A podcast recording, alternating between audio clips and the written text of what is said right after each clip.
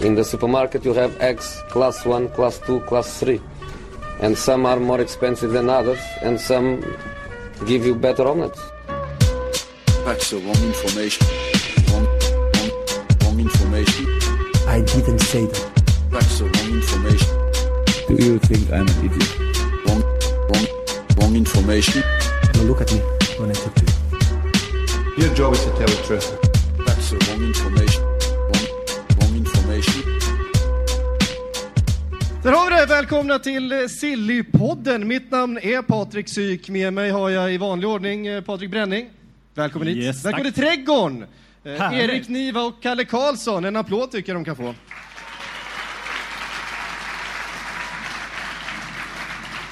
Jag blir, blir stressad av ditt uppjagade tonläge, Syk. Jag känner mig inte alls bekväm med ditt sånt där konferencier-tilltal som du har lagt dig till med. Eh, det därtill hade jag ingen aning vad det var för musik som började rulla när du dunkade på knappen. Jag visste inte att jingeln lät så där, för jag har aldrig hört ett program själv. Nej. Men nu vet jag. Det var alltid något. Fick jag med mig någonting? Ja. eh, Jag är glad för det. Ja, det mig. uppskattar du den? Hörde, du, hörde du vem det var i början? Eh, nej. Det var ju José Mourinho. Det var dåligt ljud på scen i alla fall. Jag vet inte om det gäller överallt i lokalen. Nej. Är det någonting du är nöjd med sådär? I livet överhuvudtaget? Jag är nöjd med att jag lyckades ta mig hit utan att bli blöt.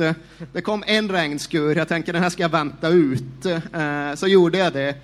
Då skulle jag ta mig hit efter att den hade tagit slut och då hade jag en briljant strategi som gick ut på att jag skulle åka kollektivt en bit. Sen skulle jag sticka upp näbben och gå sista biten. Åkte kollektivt, stack upp näbben, då hade det börjat regna ännu mer. Så tänkte jag fuck this och så tillbaks ner i kollektivtrafiken och tog en annan rutt och kom hit torr. Så det är jag nöjd med. Eh, vi är alla väldigt glada för din skull, Erik. Det glädjer mig igen. Eh, det finns väl bara en naturlig plats att inleda det här på. Eh, Victor Nilsson Lindelöf. Klar för Manchester United. Eh, Kalle, ja, någon är, någon är jätteglad här framme. Det, det blir jag, där borta, precis. Det är jag jätteglad över också. Eh, Kalle, vad, eh, vad ska till United göra? Jag är ju extra glad över den här övergången. Jag är ju från Västerås och jublar ju givetvis över att den här ökenvandringen för Västeråsfotbollen nu förmodligen är över. Vi har vandrat eh, eh, i en djup dimma i massor av år. Det har varit eh, konkurshot som har varit eh, påtagliga fyra, fem gånger de senaste 20 åren. Och det känns som att eh, det kommer aldrig bli någon ordning. Men nu, som från, ja, från ingenstans kommer den här liksom jättepenga eh, bara. Alltså, Och nu sitter du och lyfter din seriekonkurrent. Du säger vi om det Västerås SK som du möter med Vasalund. När då? Eh, vi har dem i sommar. Nu blev det dem. Eh, exakt, exakt. Nej men eh, ränderna går inte ur på det sättet. Det, jag, jag, fortfarande känner jag starkt för VSK och eh, jag tycker det är jättekul att de får den här eh, pengen nu så det kanske blir ordning på Västeråsfotbollen i synnerhet. Att du- jag älskar att det blev den här vinkeln. Ja, Det var exakt. liksom- ja, Jag vill ställa följdfrågor jag här. börjar. Ja, men du som har jag koll på utbudet. Vad- VSK får typ 40 miljoner påstås det. Ja, det sägs det. Vad går det att göra i spelarväg som division 1-klubb med dessa pengar? Går det att få in något som faktiskt ger någonting? De har ju redan ett bra lag idag, så det behövs nog inte så många tillskott för att de ska ta klivet upp. Men eh, det går att göra tillräckligt mycket för att eh, med säkerhet vara eh, ja, ett av de två lagen som, eh, som åtminstone tar en kvalplats i den där serien i år. Om vi eh, lämnar Västerås då. Är det, är det okej? Är det okej för er där ute? Eh, Manchester United har haft en hel del eh, bekymmer i backlinjen senaste tiden. Är Vigge svaret på eh, de frågorna som har funnits? Kalle får ta Ska den jag va? fortsätta? I egenskap av Ja, Premier det var ju den här, är det var, det var ju det här svaret som jag var ute efter första gången. Eh, de har haft sina bekymmer. De har haft eh, eh, ganska många som har eh, fått eh, eh, testa och se om de kan fylla ut den där kostymen efter Rio Ferdinand, Nemanja Vidic. Ingen har väl riktigt lyckats. Eh, problemet tycker jag har varit att de har antingen haft spelare som har varit fysiskt starka, Chris Smalling, Phil Jones i viss mån, eh, eller så har de haft spelare som varit väldigt passningsskickliga, till exempel Daley Blind.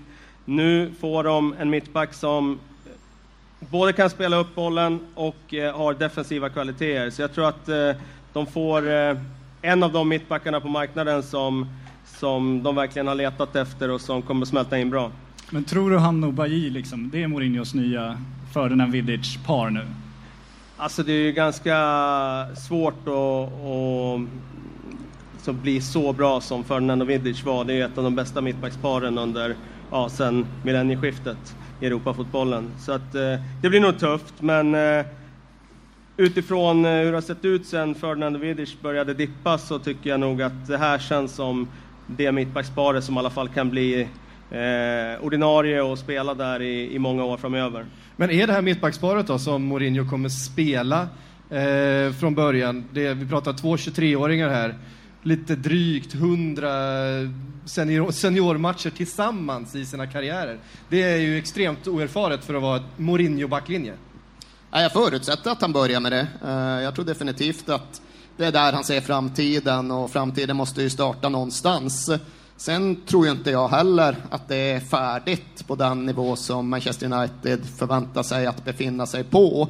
Jag tror ju att det kommer kosta en del lärpengar och jag tror att Manchester United på så sätt kommer få ta ytterligare en lite krokig väg. Och det går väl att dra någon typ av parallell till David de Gea, där de ju faktiskt kostade på sig ett halvår eller till och med en säsong med fler misstag än man egentligen har råd med, med de ambitionerna. Men det är väl någonstans kanske konsekvensen ändå av de senaste post-Ferguson-säsongerna. Har man gått så pass tungt i så pass relativt många år, då får man väl kanske konstatera att det är rätt svårt att hämta in precis vad man vill. Mats Hummels spelar i FC Bayern och tänker fortsätta med det. Och Sergio Ramos låtsades de vara sugna på förra sommaren, men det var ju aldrig aktuellt. Ja, de gick på det. Ja. De gick på det. Jag tror Sjögren gick på det. Va? Jag tror du satt i Tjeckien och sa att det här kommer minsann bli av. Det blir en peng i eh, den där straffkassan för att kalla dig för Sjögren. Ja, exakt. Men det var Sjögren det. Nu är det bränning. så att jag känner att jag har gått vidare med ett rent samvete från det här faktiskt. Men eh, prestigemässigt då, för Victor Nilsson Lindelöf. Eh, Lars Lagerbäck kallar det idag för liksom en, en hiskelig summa, att det är en sjuklig värld. Och det kan man ju absolut tycka att det är väldigt mycket pengar. Men om man ser till marknaden 450 miljoner känns ju nästan som en, alltså, det är ju ingen stjärnspelare att värva 450 miljoner idag. Hur, hur stor prestige ligger det i att värva Victor Nilsson Lindelöf eh, för Manchester United idag? Nej, jag skulle inte säga att det är så stor prestigevärvning kanske. Det är precis som du säger, som marknaden har utvecklats så det är inte... När det började ryktas om det här för ett och ett halvt år sedan, då tyckte jag att det var väldigt, väldigt stora pengar för honom då. Han hade inte spelat så länge ens i Benficas A-lag då för att det skulle snackas om 300 miljoner kronor. Eh, idag är det naturligt att eh, hamna på de här summorna, för dels är det ett jättelitet utbud på bra mittbackar och dels så, så har han ju visat nu att han, han är en av de där tio mittbackarna är runt om i världen som, som storklubbarna tittar på och slåss om. Så att, eh, men prestigevärvning, nej, det ska jag inte säga att det är på det sättet. Det kommer inte kosta någonting att peta Victor Nilsson Lindelöf ifall det inte funkar. Är han fortfarande Victor Nilsson Lindelöf förresten, eller är han bara Lindelöf nu? Han skriver Lindelöf på sin landslagströja så han har kommit upp sig. Men hans brorsa som satt på lä- läktaren hade ju Nilsson Lindelöf. Så att jag tycker att han är någonstans i skärningspunkten. Det var den här lilla killen, eller? Ja, jag tror det. Ja, men det känns som att han hade en gammal matchtröja som bara var Ja, utrustad det. på det sättet. Men brukar det inte finnas ett sånt där antal bokstavbegränsning också på eh, i, i, so- vissa souvenirshopar? Jan Vennegoor och Hesselink. Ja, exakt. Det måste ju finnas en sån aspekt här att tänka på som en Nilsson Lindelöf. Det är hur långt som helst. Ja, men det gäller ju att bygga sitt varumärke. Det var lite intressant för att en, en systertidning till oss eh, gick runt i mixade zonen med landslaget häromdagen och, och pratade med landslagsspelarna och då snackade vi alltså Jakob Johansson och den typen av spelare. undrade om du skulle vara, eller tänker att du skulle göra Paul Pogbas karriär, vart skulle du börja och bygga ditt varumärke? Om jag Gillar- var Victor Nilsson Lindelöf. Ja, men jag gillar den på Jakob Johansson. Jag undrar liksom, han såg lite frågande ut själv liksom. Vart ska, jag- hur ska jag sätta igång det här skeppet nu? Ja, Lindelöf Lindelöf, han måste ju in Lindelöf då. Han får ändå, fast Ja, men där har han gjort rätt som har valt liksom det lite karismatiska efternamnet. Jag tror i och för sig inte att engelsmän har någon uttjatad och utnött relation till just Nilsson, men det faktum att det finns de här två prickarna, the umlaut som Mesut Özil gjorde så populariserat i Storbritannien, bara det ger ju någonting. Jakob Göransson, ja, så det är en start. Ja, det funkar. Sen hade ju vi, vi hade en liten teori här innan att eh, om man ska bygga ett smeknamn på Victor Nilsson Lindelöf så har han ju... Det finns en gammal historia, hans morsa, när de var på stranden, när han var lite yngre, så hade de med sig lite köttbullar. Eh, och den här är lite barnförbjuden kanske, men eh, så upptäcker Victor Nilsson Lindelöf helt plötsligt, kanske för första gången, att det hänger någonting under, under hans könsorgan som är någonting annat. Då säger han då till sin mamma, mamma, mamma, jag tror köttbullarna har ramlat ner i byxorna. Och vi har då lanserat honom som Mr Meatball nu, vad tror du om det? Jag tror det finns något där. Eller hur? Bra. Ja. Ehm, om vi tittar på det taktiska eh, ännu lite mer då. Vi har ju sett ett Manchester United spela med en trebackslinje, Kalle, under den här säsongen. Ser du, alltså ska man spela med tre mittbackar så är det klart att, att eh, Vigge är en utav dem. Men hur ser du att han passar in i en trebackslinje om det är det som eh, Mourinho väljer till nästa säsong? Alltså man kan ju säga att eh, nästan alla mittbackar passar ju en trebackslinje. Det är ju nästan blivit så att man idag kan säga att vilka... När, när de inte passar i en tvåbackslinje längre, när de inte klarar av det, då behövs den till och då eh, lägger man till en, en extra. Så att, eh, Den så kallade David Luiz... Eh, Ja, ja, men precis. Alltså, det är ju det är mycket enklare för alla mittbackar egentligen, med några undantag, att spela tre än att spela två. Så att, eh, det är klart att han skulle klara av det. Men jag tror att eh, paret just eh, Lindelöf-Bailly tror jag är tillräckligt bra för att klara att spela två. Så att, eh, det finns nog en, en, eh, en viss dimension där som eh, kan gynna laget. Men hur ska de klara en Cold Tuesday night i Stoke? Ja, men alltså, är det någonting som Victor Lindelöf har kvar att utveckla så är det väl i någon mån huvudspelet. När han spelar med Luisao i Benfica så blir det naturligt att Luisao går på första bollen och på så sätt kanske man inte har fått det riktiga svaret på hur bra han är i nickduellerna. I landslaget så går ju Granqvist ofta på den första bollen. Vi kan nog Och i räkna med Man att Bajy gör det så kommer ju Bajy göra det, Ja. men det räcker ju liksom inte riktigt i England att ha bara en spelare som alltid går på duellen. Rio Ferdinand behövde också kunna nicka och det är klart att den frågan kommer han nog behöva besvara, likt David de Gea behövde besvara det när just inläggen dundras in i Stoke. Det kommer ju komma och det kommer ju komma en dag när han står och hänger med huvudet efter ett insläppt mål och tvingas konstatera att det där gick inte riktigt som det har tänkt sig. Och då är nästa fråga att ställa exakt hur stort tålamodet är från Manchester United och José Mourinho. Hur mycket förtroende de har investerat i honom kontra hur lätt det är att bara lyfta in Marcos Rojo i nästa match som om inget hade hänt och ingen värvning hade gjorts. Precis, för vi har ju Marcos Rojo som fick mycket förtroende förra säsongen, eh, i alla fall efter ett tag. Han är korsbandsskadad och är tillbaks typ till jul eller något sådär, vad kan vi tro? Lite tidigare kanske? Korsbandsdoktorn? Är jag korsbandsdoktor plötsligt? Ja, Ja, okej. du kan ja, vara men, eh, Jag gissar på efter jul då. Ja. Ehm, hur eh, är sannolikheten att någon utav eh, eh, mittbackarna då får flytta på sig? Nej, jag vet inte om eh, det är så liksom, stort hot att Rojo kommer tillbaka. Dels eh, så tycker jag eh, han har ju också en brist i sitt huvudspel så att eh, eh, det är ingen liksom det är ingen mittback som kommer in och ger plötsligt United ett bättre huvudspel. Han eh, spelade upp sig rejält och han var bra den här säsongen men jag tycker inte eh, egentligen att hans grundnivå är bättre än varken Bailly eller Lindelöfs. Men tycker du att det fanns någonting där som var att han hade fått spela under Mourinho och faktiskt lärt sig en del om försvarsspel? Eller tror du att det snarare bara hade att göra med att han hade några schyssta månader och kom in i ett bra groove? För Rojo var ju inte lika färdig som Nilsson Lindelöf var när hon flyttade från den portugisiska ligan. Hur mycket VM han än hade spelat och hur bra det än hade gått för Argentina så var ju han fortfarande virrigare. Men då är ju den där frågan som man ofta hamnar vid huruvida man är coachable eller inte, om Ja, det finns precis. något där i Rojo, om det finns något där i Mourinho och vad det då kan innebära för Lindelöf. Det är alltid svårt det där att bedöma hur mycket en tränare gör och sådär. Jag tycker att man, man hamnar även själv sådär i, när man bedömer spelare som plötsligt börjar gå bra någonstans, att man hamnar i den här eh, i fåran att ja, det, det tack vare att den tränaren har gjort si och så eller så. Eh, svårt att bedöma faktiskt när det gäller just Rojo och Mourinho. Eh, kan vara att han bara fick förtroendet plötsligt och bromsade. Eh, vi lämnar Vigge där. Vi får väl se hur det går helt enkelt. Det är som med allt annat. Fabinho ryktas vara näste man in till eh, Manchester United. Eh, en av de här eh, fantastiska unga spelarna från Monacos succébygge. Eh, Jag tror alltid att han är mycket äldre än vad han är. Jag bara utgår från att han är 28 och sen säger man alltid att han är, vad är han, 22, 23? Det han, känns är, alltid han är fel. 23, han är precis som eh, Bailly och eh, Lindelöf. Vad, du ska alltid redogöra för vad som är det senaste, för jag bara noterar att det har ökat i kraft vad gäller ryktena, men vad är the details behind? Ja, det känns fortfarande som det är Daily Mail-nivå på det, om vi säger så. Så att jag tror att vi behöver nog inte liksom accelerera de ryktena så väldigt Han är inte mycket. siktad på ett hotell i Han är- nordvästra han är inte England som. Sandro Ramirez var. Exakt, och han är inte halvt avklädd på Milan-videos från deras eh, läkemedelsundersökningar som de gör Ja, nu. den är helt klar nu va, Anders Silva? Ja, det är han, Anders Silva. Han, eh, han var nästan, ja, nästan till helt naken på den presentationsvideon. Det var lite skakande scener. Vi kan ju säga det, vi ska köra ungefär en eh, 45-50 minuter där. Eh, sen kommer vi ta en liten paus. Jag tror att man kanske behöver gå på toaletten, eh, fylla på något att dricka och sådär. Sen så kommer vi köra ännu mer eh, Monaco faktiskt. Eh, ännu mer Serie A och lite sådana grejer. Vi har Babylona Khosravi och Simon Bank kommer hit sen också och pratar. Alltså, vi puffar, VSK. puffar lite framåt i sändningen. Ännu mer VSK. Jag är inte med VSK. Men eh, vi kan också Det är varna för... därför Kalle är här. Exakt, och Erik halvan. kommer ju försvinna i halvtid då, så vill man ta bilder eller annat med Erik så gör man det med fördel då i pausen. Erik är väldigt positivt inställd till den typen av aktiviteter, så att det uppmuntras på alla sätt och vis. Så är det. Eh, precis. Vi tänkte att vi skulle döpa om det här eventet till Erik Niva Meet and Greet. Det finns, Men, en, eh, finns en styrka i konceptet. Det gör det. Eh, kanske mer pengar i det, jag vet inte. ja, det här har fan aldrig sett röken av i så fall.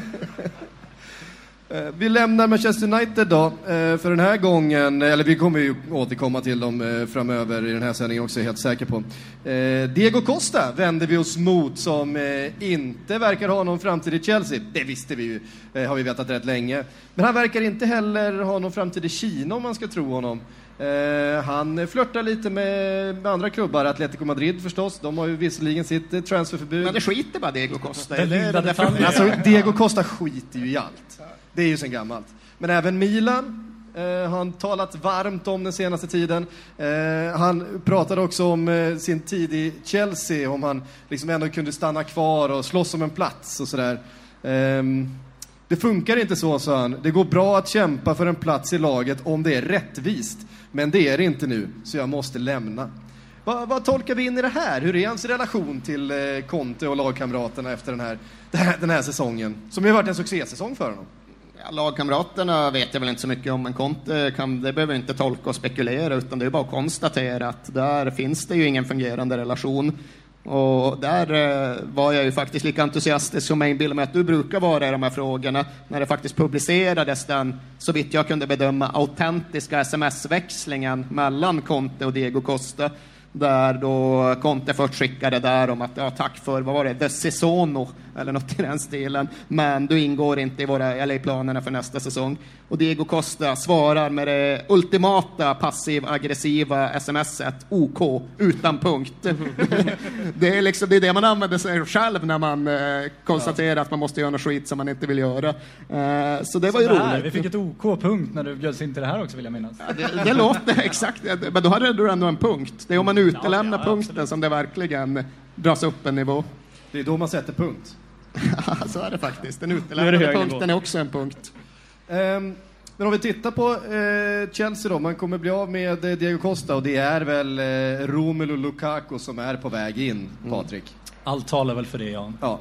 Ehm, hur tapped up har han blivit under säsongen då? Han pratade ju redan om att han har haft diskussioner med klubben för eh, ja, flera veckor sedan. Skulle Raiola. Skulle verkligen Raiola Skulle låta sig Raiola vara inblandad i något som det... Eh, ska vi, vi skriver hem eh, Lukaku redan eller? Ja men det känns ju som just det här när han först pratar om att han vill stanna och de ska förhandla om ett Mm. kontrakt och sen helt plötsligt när de då presenterar kontraktet för honom så går han ut i media och då säger, i belgisk media till och med, och säger att nej, jag är inte intresserad av att stanna längre. Det känns ju som Mino har dragit i några trådar, det känns som någon har ringt till honom och, och berättat. De har ju inte gjort Liverpool-tabben att Jörgen Klopp ringer personligen och bestämmer möten utan de har ju varit smarta nog att gå via agenten den här gången. Ja, vi kommer till den där tabben också. Ja. Ja, men det kändes det väl verkligen som att det fanns bara två alternativ och det ena var naturligtvis Chelsea och det andra var Man United just på grund av Raiola-kopplingen, att den har blivit så oerhört stark. Eh, Vi Men tog nu, faktiskt inte upp Morata heller, som ju eh, av allt att döma också känns som det är på väg in till Manchester United. ja, Morata verkar ju verkligen åka dit, sen vet jag inte Ja. hur det blir med Belotti ifall det blir det också. Eh, men Det verkar det däremot inte bli. Morata till Man U och Lukaku till Chelsea, det kan Ja. vi väl nästintill konstatera med våra, eh, våra betygskriterier. Kalle, vem hade du helst haft i Karlberg, Morata eller Lukaku? Eh, I Vasalund menar du? Karlberg? Eh, Karl Karlberg, förlåt. Karlberg, nu, är, ja. nu är jag tillbaks. vad sa du, Morata eller Lukaku? Ja, exakt. Eh, nej, men jag hade nog tagit eh, Lukaku faktiskt. Eh, det, är, det är klart, det, båda är Ni har ju, mer behov av den profilen. Alltså, Jag ser ju Lukaku mer än vad jag sett Morata senaste åren och jag tycker att han har utvecklats väldigt bra. Eh, mycket bättre allround-spel nu än vad han hade tidigare. Sen är det såklart fortfarande den där farhågan att han Eh, Ja, det kommer de där statistikuppgifterna på att han inte har gjort mål mot de bra lagen och han gör för mycket mål i de enkla matcherna. Men jag tror han hade grejer att göra mål mot Brage i alla fall. Det var en kul ändå statistisk käpphäst det där, för jag har varit fast vid det rätt länge, att jag just tycker att han i ett skytteligasammanhang blir lite missvisande just i och med att han så ofta gör ett 3-1 mål snarare än ett 1-0 mål. Och tydligen är det ju så att hade man tagit bort alla mål som Lukaku gjorde från Evertons säsong så hade de fortfarande kommit sjua. Det hade gjort varken Ja, till eller från alla de mål som han gjorde. Och det är någonting, det är inte allt. Lukaku är jättebra, jag ratear honom också. Men det säger någonting om hans säsong, det gör det faktiskt. Absolut. Och, Säger lite grann om glappet eh, mellan sjunde och åttonde platsen i ligan också. Det, det är några poäng. Ehm, vidare med Chelsea då. Vi måste ju nämna Hörde du, en... Psyk såga din teori där bara rakt och Det säga var att inte det var inte värt någonting. Det var inte en teori, jag redogjorde Ja, för objektiva fakta. Ja, jag har redogjort för samma tidigare och fått exakt det här svaret tillbaks nämligen. Så jag, an, jag återanvänder något som har använts mot mig tidigare. Gillar ändå hur du bygger konflikten, Kalle. Det ska du ha Ja, klart för. det ska du Ja, jag det ska du ha cred för. Ehm, James Rodriguez pratades ju eh, ganska länge om till Manchester United för ganska stora pengar. Nu är det ju framförallt Chelsea det pratas om. Eh, ska man få en Rodriguez på varje kant kanske? Ska Rodriguez komma dit och inte springa ordentligt? Jag vet inte. Nej, men det känns, eh, känns fortfarande som om det är Jorge Mendes som är i lite panik nu. Eh, bjuder ut Rodriguez till både höger och vänster. Det kändes verkligen så när United-ryktet kom, som om han ville placera det mer eller mindre. Och jag vet inte, United, James Rodriguez känns jättekonstigt. Chelsea, James Rodriguez känns väl inte mycket mer logiskt. PSG, är den död eller? Den har väl aldrig varit så het, men eh, den kan väl komma upp i sista stund. Det känns som de, eh, de är ju på sin resa nu och ska övertyga Verratti. Det lär väl kanske åt- också återkomma till, men det är väl prio ett där just nu. Han landar väl i Wolverhampton då, med tanke på eh, Jorge Mendes eh, Ja, kontakter. exakt. Sportchef där. Nej, men säg om, säg om Verratti lämnar, om han får igenom sin drömtransfer till FC Barcelona, som ju han verkar trycka för, då känns det som James kan bli ett sista alternativ där, absolut. Vad Ja. var vi? Ja, vi var där tror jag. Ja, James. Rodriguez, eh, det finns ju en wingback-position också som vi har sett honom i tidigare. Kan det bli en, en comeback som wingback för eh, James Rodriguez? Vi möts av tystnad, för jag har ingen minne av att jag har sett detta. När hände det här? Va?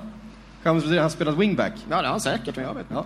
Ja, i, ja det var precis i början. Det, vi har pratat om det i, i podden när han... Eh, eh, nej, jag får jag känner Konflikten nu igen, Kalle. Det här går inte. Tacksamt det här ibland. Ehm, mm, mm, mm, mm, nu kommer jag med det varför. Ja, men då skiter vi, då lägger vi ner Chelsea då. Ja, skyll på Nej, ni men, då. nej, James inte till Chelsea, det var väl där vi stannade. James kanske till PSG. Ja. Verratti kanske till Barcelona. Jag vet inte när vi ska in på Verratti, men... Mm, vi kommer till Verratti. Ja. Lugn och fin. Ehm, jag vill till eh, Arsenal först. Alexis Sanchez kommer inte spela på Emirates nästa säsong, vad, vad det verkar. Manchester City har sagt att det är en av alltså deras viktigaste eh, transfer den här sommaren. Eh, men har sagt Arsenal... det? Vad är det här för Arsenal- källor nu? Va? Det är väldigt hårt dragna slutsatser här tycker jag också. Manchesterpressen har, har meddelat ja, tack, detta. Manchester City har sagt, ja. Men, ja, ja, ja. Eh, Det här med källkritik. Nej, vi- Sillypodden. Alltså lyssna på vad de säger i vignetten. Eh, Your job is to tell the truth. eh, men Arsenal ska ha blockerat den här eh, flytten till Manchester City, vilket då ska ha öppnat för Bayern München att komma undan lite billigare kanske än man hade gjort annars om det hade blivit budkrig. Jag gillar också den delikata Manchester City. uppgiften i tysk press att, att eh, Alexis Sanchez fortfarande är aktuell för Bayern München trots att de värvat Serge Gnabry. Den tycker jag är väldigt fin. Det var inte antingen eller liksom.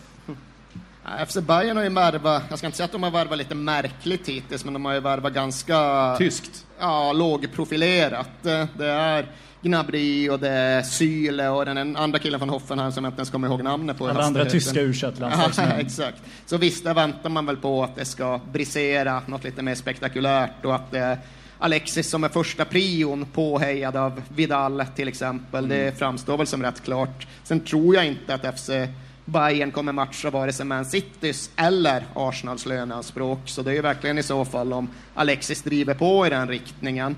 Och skulle han Jag ska göra begära det... samma lön som man eh, enligt uppgifterna har begärt eh, hos eh, Arsenal. Då Ja, får, de, inte. då Nej, får de problem. Ja, nej, det får han inte. Eh, Men skulle han gå till FC Bayern så skulle det såklart generera en dominoeffekt med Douglas Costa och alla de där. Mm. Men jag känner väl också att av de spekulationer man har fått hittills till sig så är det väl kanske Manchester City som ligger allra närmast till hands just nu. Tror du det ändå? Alltså, för jag tycker det känns hela tiden som Bayern varit någonstans det som man går och väntar på ska ske. Liksom. Tror du City, tror Arsenal gör den nu, att de säljer honom till City? Alltså nu är du verkligen inne på fullständigt substanslösa spekulationer. Patrik psykuppgifter som jag brukar kalla Ja, det. exakt. Manchester City själva har bekräftat att det är så här de tänker. Nej, men jag tycker det är en skiftning, en nyansskiftning i rapporteringen från kanske framför allt Chile den senaste tio dagars Är det perioden. chilenarna man ska tro på det här Nej, året? inte lika hårt som belgarna, men chilenarna har ju någonting, så är det väl. Eh, så jag vet inte, jag, jag känner väl kanske att Man City nu, men samtidigt hur mycket kan Man City trycka in? Hur mycket offensivt får de plats med? Eh, bara Bernardo Silva innebär ju att det måste hända något där och det är väl inte speciellt goda nyheter för Raheem Sterling. Försöker du berätta för Pep att han kan ha, för många mittfältare? Ah, Jag försöker berätta för Pep att han kanske ska skita i att ta in Kyle Walker och bara ta in Alexis och spela du från jobbar på Arsenal den istället. Liksom. Ja, högerback. Den klarnar det. Eh, men typ så. Ehm, vem ska värva Mbappé? Det låter som liksom så här, titeln på en barnbok, men eh, det är en, eh, en fullt relevant fråga i det här sammanhanget. Och nu får jag ge mitt standardsvar. Ingen alls. Den bästa transfern är transfern som aldrig blir av. Det är ju hela min fotbollsideologi som skär sig på ett eh, klädsamt sätt mot allt vad den här podden står för. Eh, jag varken tror eller hoppas att han lämnar. Mitt intryck är verkligen att han blir kvar i alla fall en säsong i Monaco. Ja, det, det verkar ju som att eh, det kommer i alla fall bli ganska svårt att värva honom. Monaco vill ju hemskt gärna ha kvar honom, men det är ju stora pengar samtidigt som eh, det ryktas om. Det skulle ju innebära ett nytt världsrekord. Ja, jag tror Real Madrid eller inget. Om Real Madrid bestämmer sig så bestämmer sig Real Madrid och då håller nog inte ens Mbappé på, emot. Skulle kanske kunna bli någon så här teoretisk variant där han får spela lite till i Monaco men ändå tillhör Real Madrid. Men jag tror väl att det är möjligheten slash risken att om Real Madrid går in tungt, det blev inget med Aubameyang dit tycks det, Uh, ifall de ändå vill växla ut Benzema, ifall de konstaterar att Morata försvinner och verkligen vill ha in en spektakulär spelare, en spektakulär centerforward, vilket det kanske är lite läge för eftersom att de inte har galaktikat sig på ett tag. Då kan det mycket väl hända, men det är nog det som i så fall är varianten.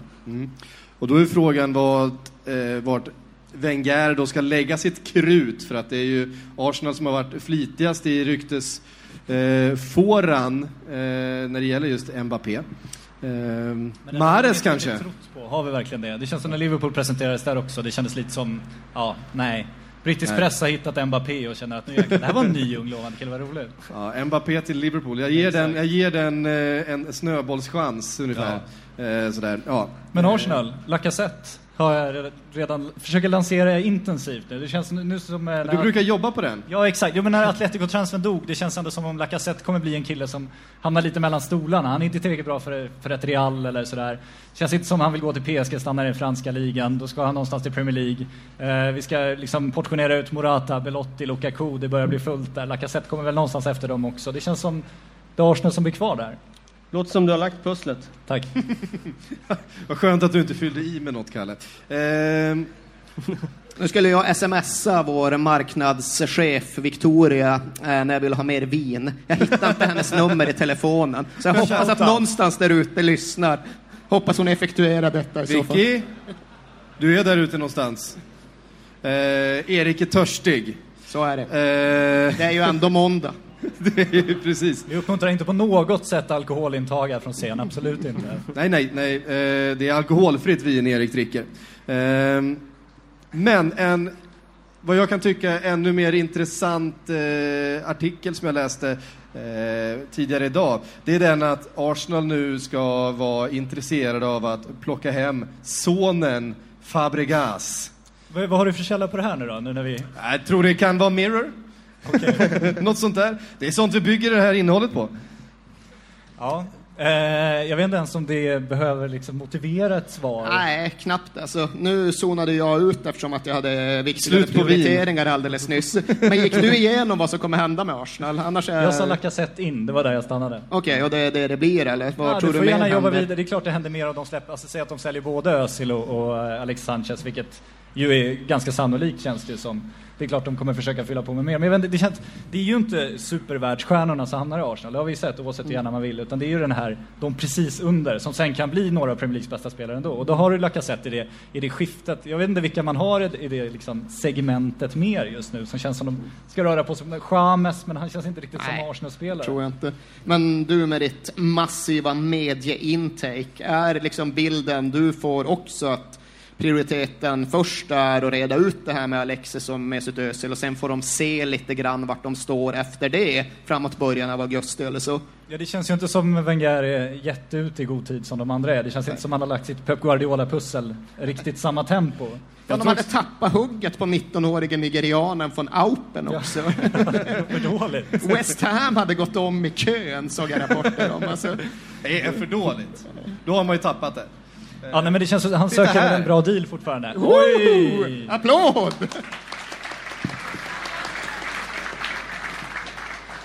Ja, för våra kära poddlyssnare så kan ni ju gissa vad som hände precis. Men det var en marknadsmänniska inblandad i alla fall. Som vi kan Nu lyfter det. Nu lyfter det allt. Äntligen! Du frågade tidigare, finns det något i livet jag är nöjd med? Ja, nu gör det det. Ska den här podden för första gången bli 4 plus? Nu, nu är du på Glenn-nivå alltså. Nej, där är jag inte. Där kommer jag tyvärr aldrig komma. Ska du dra din syn på livet igen eller har vi liksom matat den för mycket nu? Jag tror det. Den, Ja. är, den är väl bekant. Två plus. Två plus livet. Livet är två plus, punkt. Så är det.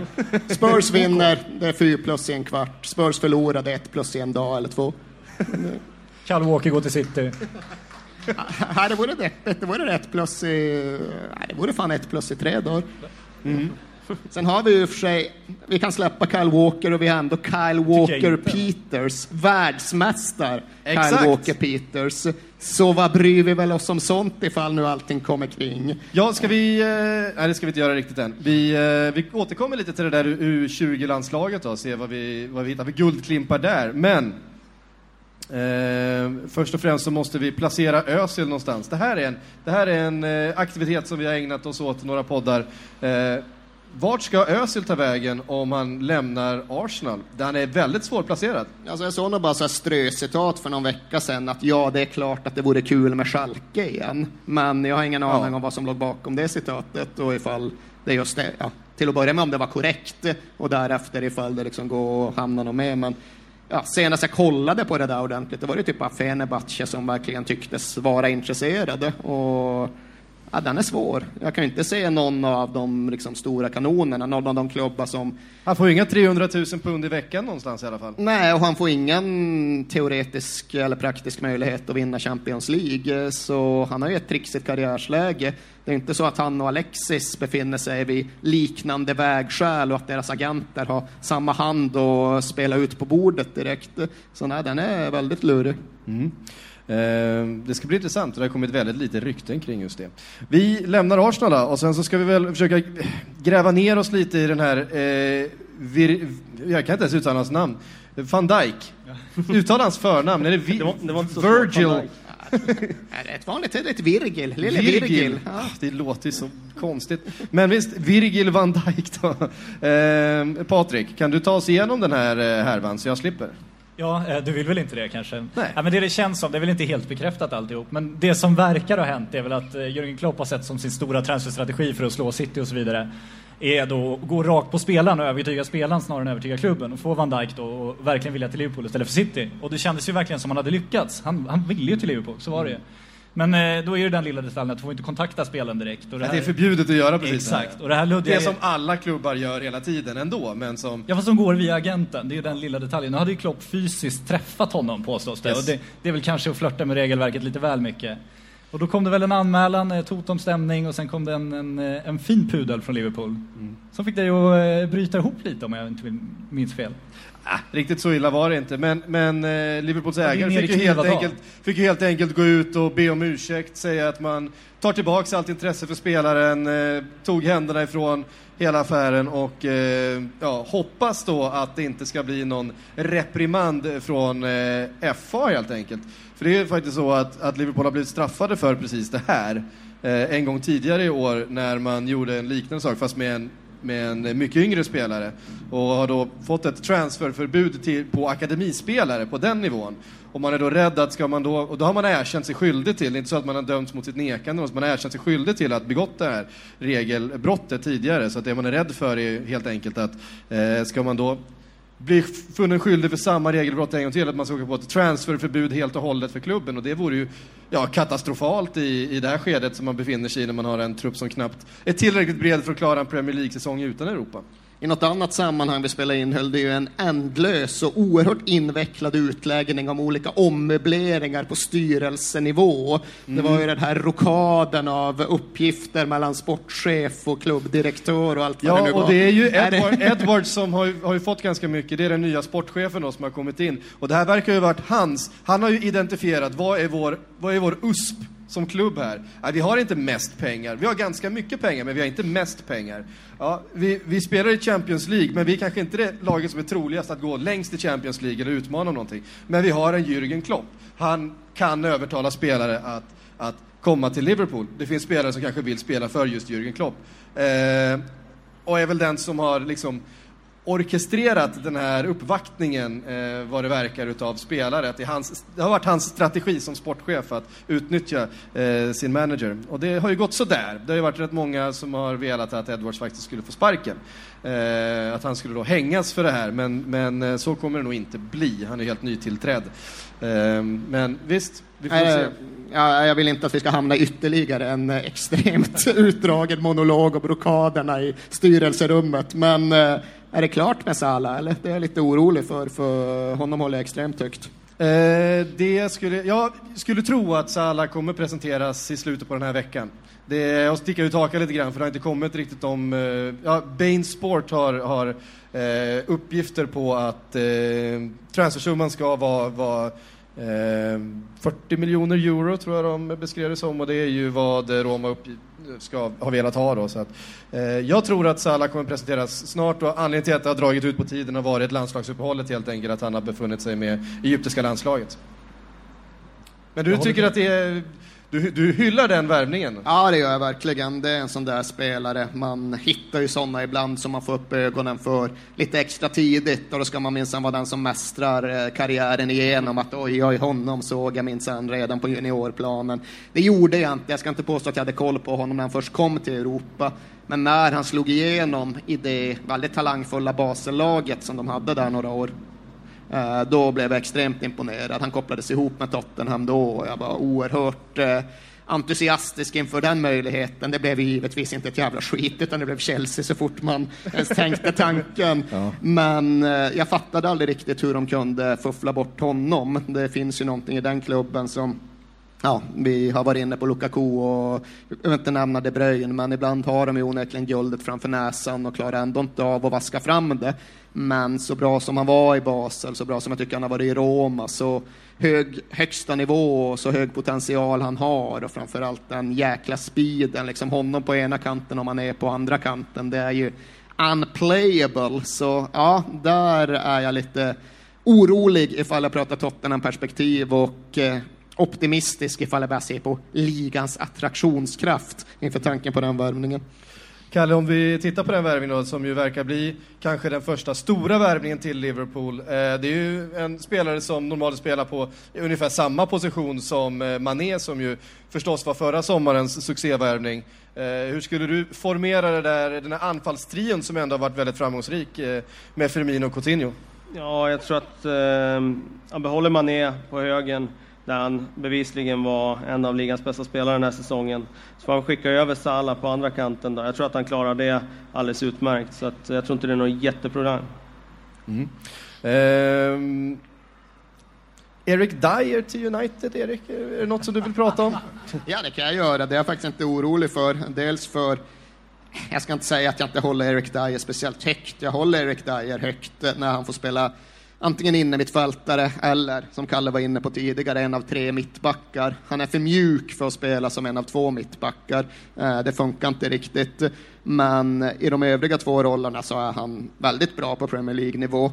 Därtill så finns ju hela den där aspekten att jag vill inte att lagets unga brittiska kärna på något sätt ska brytas upp och holkas ur. Jag vill inte att Spurs ska börja sälja av spelare. Men jag är inte det minsta orolig vad gäller vare sig Eric Dyer, eller Harry Kane, eller Dele Alli eller Danny Rose. Jag är orolig för Kyle Walker och jag tycker det är trist ifall Kyle Walker går. Samtidigt så vet jag ju att det innebär att vi säljer en högerback för över en halv miljard kronor och att vi har både Kieran Trippier och då geniet Kyle Walker Peters, världsmästare Kyle Walker Peters som backup. Så jag får väl lov att tugga i mig ifall det nu blir så, men eh, därutöver så är jag faktiskt eh, ovanligt lite pessimistisk inför transfersommaren. Ja. Det får ju bli då en segway in i eh, det här unga eh, U20-landslaget som vann U20-VM för England eh, nyligen. Ja, det var varit i förrgår? Igår. Igår. Eh, gott, om, gott om unga stjärnor förstås. Fyra Everton-spelare i startelvan. De har Ja. någonting speciellt på gång. Ja, då saknades ju också Davis som väl är den bästa Ja, och mest precis. spännande av dem alla. Jag vet inte hur gammal han Mason Holgate egentligen är, men han är väl kanske ett år eller två för, för gammal. Eh, men det är ju väldigt imponerande och det är väldigt kul att konstatera att flera av dem faktiskt har fått speltid. Och högerbacken vars namn undflyr mig precis nu kan ju komma att få spela i och med att Coleman är borta sig sådär ett halvår. Sen får vi väl se med Calvert Lewin och de spelarna, men Koman verkar ju verkligen inne på att ge dem chansen. Och det är ju precis den nivån där det fortfarande är möjligt att få chansen att komma in som 18-19-åring i Premier League, få speltid, bottna i det, växa i det och ta det någonstans därifrån. Det är bara att konstatera att ett hack upp i Premier League-hierarkin när man är Dominic Solanke och försöker slå sig in i antingen Chelsea eller Liverpool så är det svårare. Och det ska bli intressant att se vad ni har tänkt er med honom egentligen. Men eh, Everton det nya Tottenham då? Om man kollar var Tottenham var för några år sedan när den starka kärnan kom fram. Kan de göra samma resa tror du? Det vore väldigt kul för alldeles oavsett mina egna sympatier tycker jag ju att Tottenhams lyft är oerhört uppfriskande för hela ligan. Eh, jag har svårt att se det hända bara för att jag hade så svårt att se det Tottenham lyckades med hända. Hade någon liksom pitchat det för två och ett halvt år sedan att oh, Harry Kane ska liksom dra med sig ett gäng 22-åriga engelsmän upp mot Premier League-toppen så är det avfärdat som totalt osannolikt. Jag har väldigt svårt att se det att hända i Everton också, men jag skulle tycka det var fantastiskt ifall det gjorde det. Nu har vi nästan bara pratat eh, England här i ja, dryga 40 minuter. Jag påminner om att det finns en mikrofon här. Har man en skitbra fråga så kom fram och sätt er, ställ er här, så vinka till mig så eh, är det dags. Och den som ställer den helt första frågan är hårdast. Alltså, det är alltid den som är den tuffa kulan att tugga i sig. Så det är den personen som verkligen förtjänar någon form av bragdguld. Den som Ja. går fram och ställer första frågan. Och jag ser rörelse Ja, på golvet! ja, det är rörelse Här på kommer han.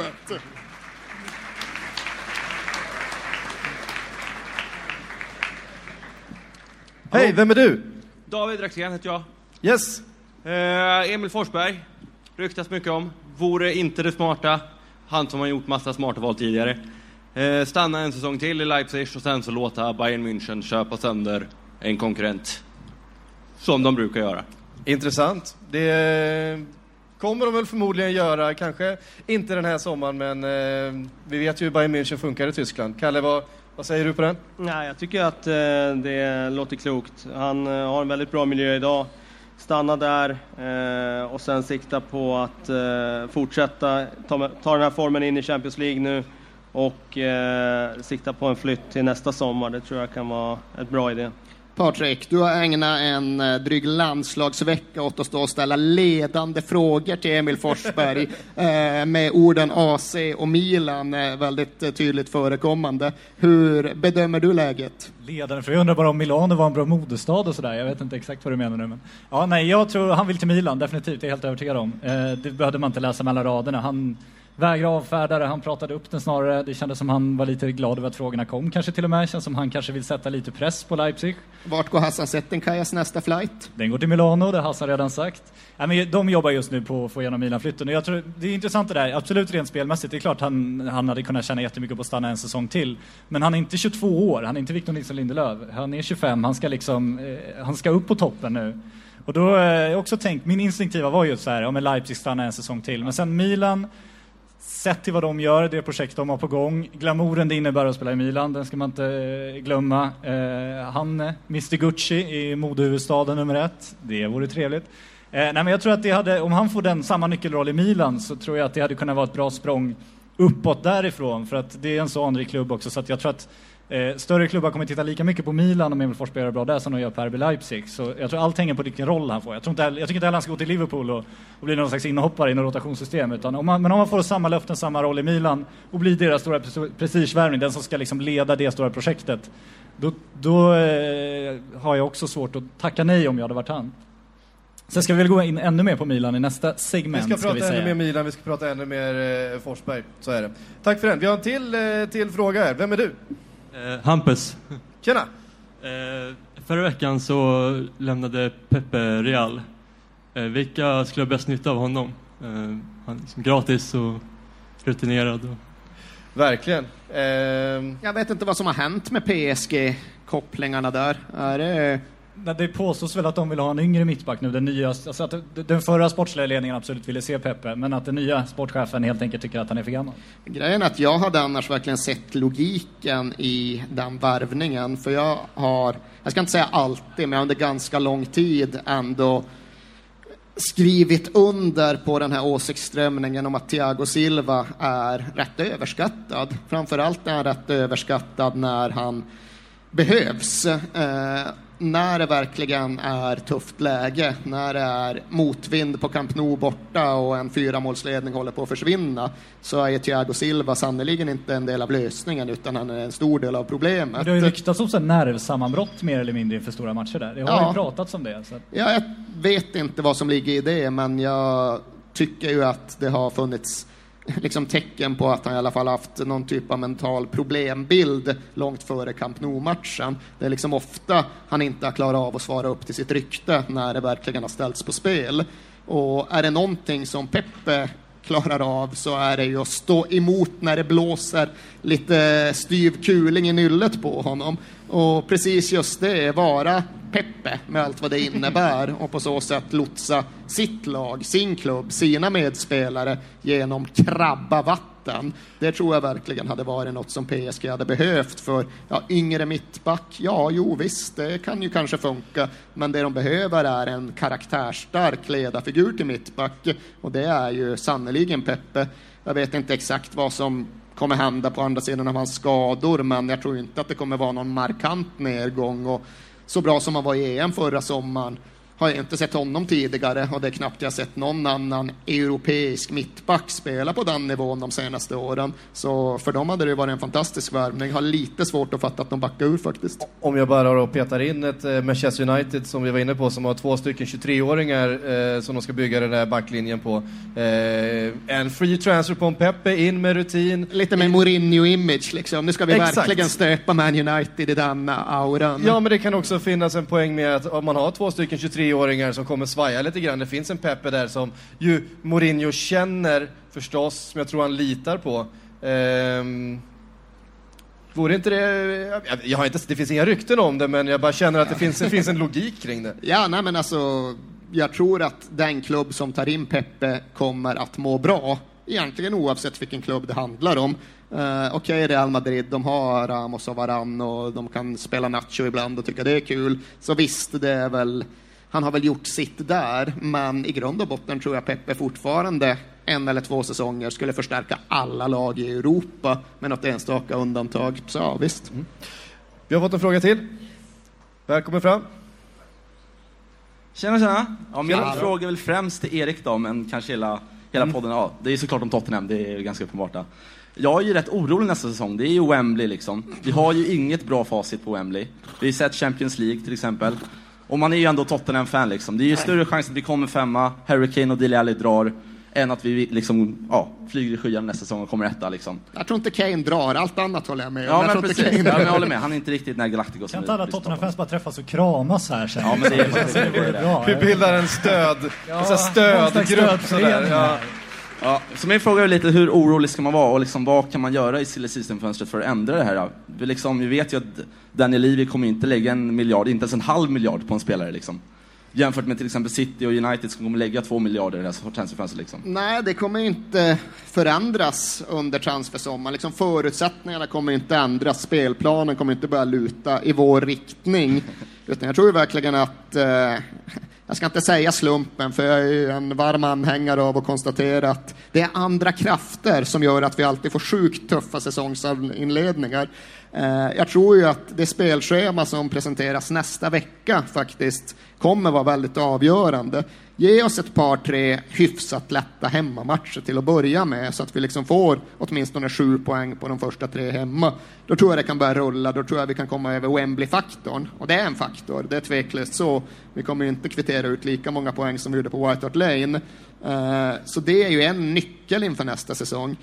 Det övriga med hur man bygger trupp och så vidare, det finns det ju egentligen inget svar på. Så som det verkar nu så är det väl Lemar från Monaco som någonstans är det mest etablerade vi tittar på. Sen är det ju den här 19-åringen från Istanbul BB och det är Ryan Sessegnon och det är de killarna. Och jag har inga problem med det egentligen. Jag vill inte att vi ska värva in fler Moussa Sissoko-figurer.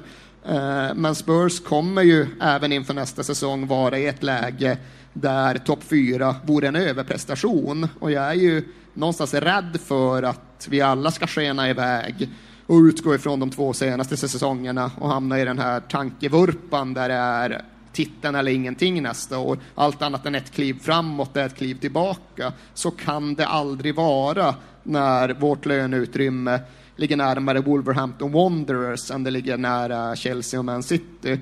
Så jag kan liksom bara konstatera att vi är där vi är. Vi ska på Wembley, vi måste försöka övervinna det.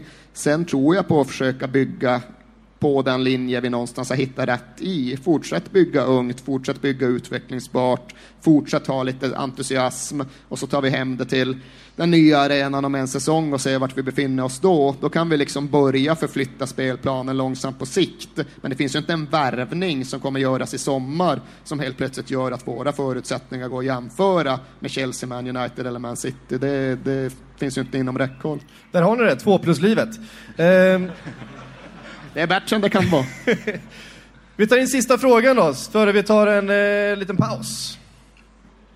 Tja. Eh, jo, nu har ju transferzonen legat här runt 800-900 miljoner, en miljard i rekord.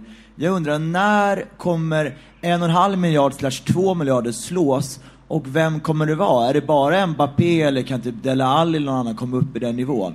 Det är min fråga. Alltså om man tittar på, på eh, det här transferindexet. Ja, du såg den listan som kom idag eller?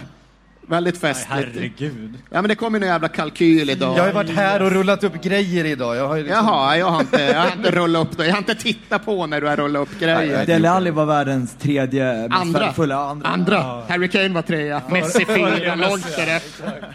Nej, men, eh, Barca eller Spurs-support man gjort den tror jag. Det var en lite skev lista. alltså. Men om man tittar då på, på inflationen som har varit, alltså när, när eh, eh, Ronaldo köptes till Real Madrid, om vi räknar om det i dagens transfersummor, då handlar det om att det är affärer upp mot 2 miljarder. Eh, så att det, att det finns ett utrymme för klubbarna om man vill göra den här super, supervärvningen, så tror jag att det finns potential att vi ser transfersummor där uppe för en, ja, en Dele Alli eller eh, någon Mbappé kanske. Ja, men det är lite så också att om man kollar på de här riktigt stora övergångarna så betalar de ju sig alltid. Det är i stort sett aldrig det händer att en klubb likt Real Madrid eller FC Barcelona eller Man United gör en världsrekordtransfer och ångrar sig och konstaterar att fan, det här blev inte alls som vi hade trott.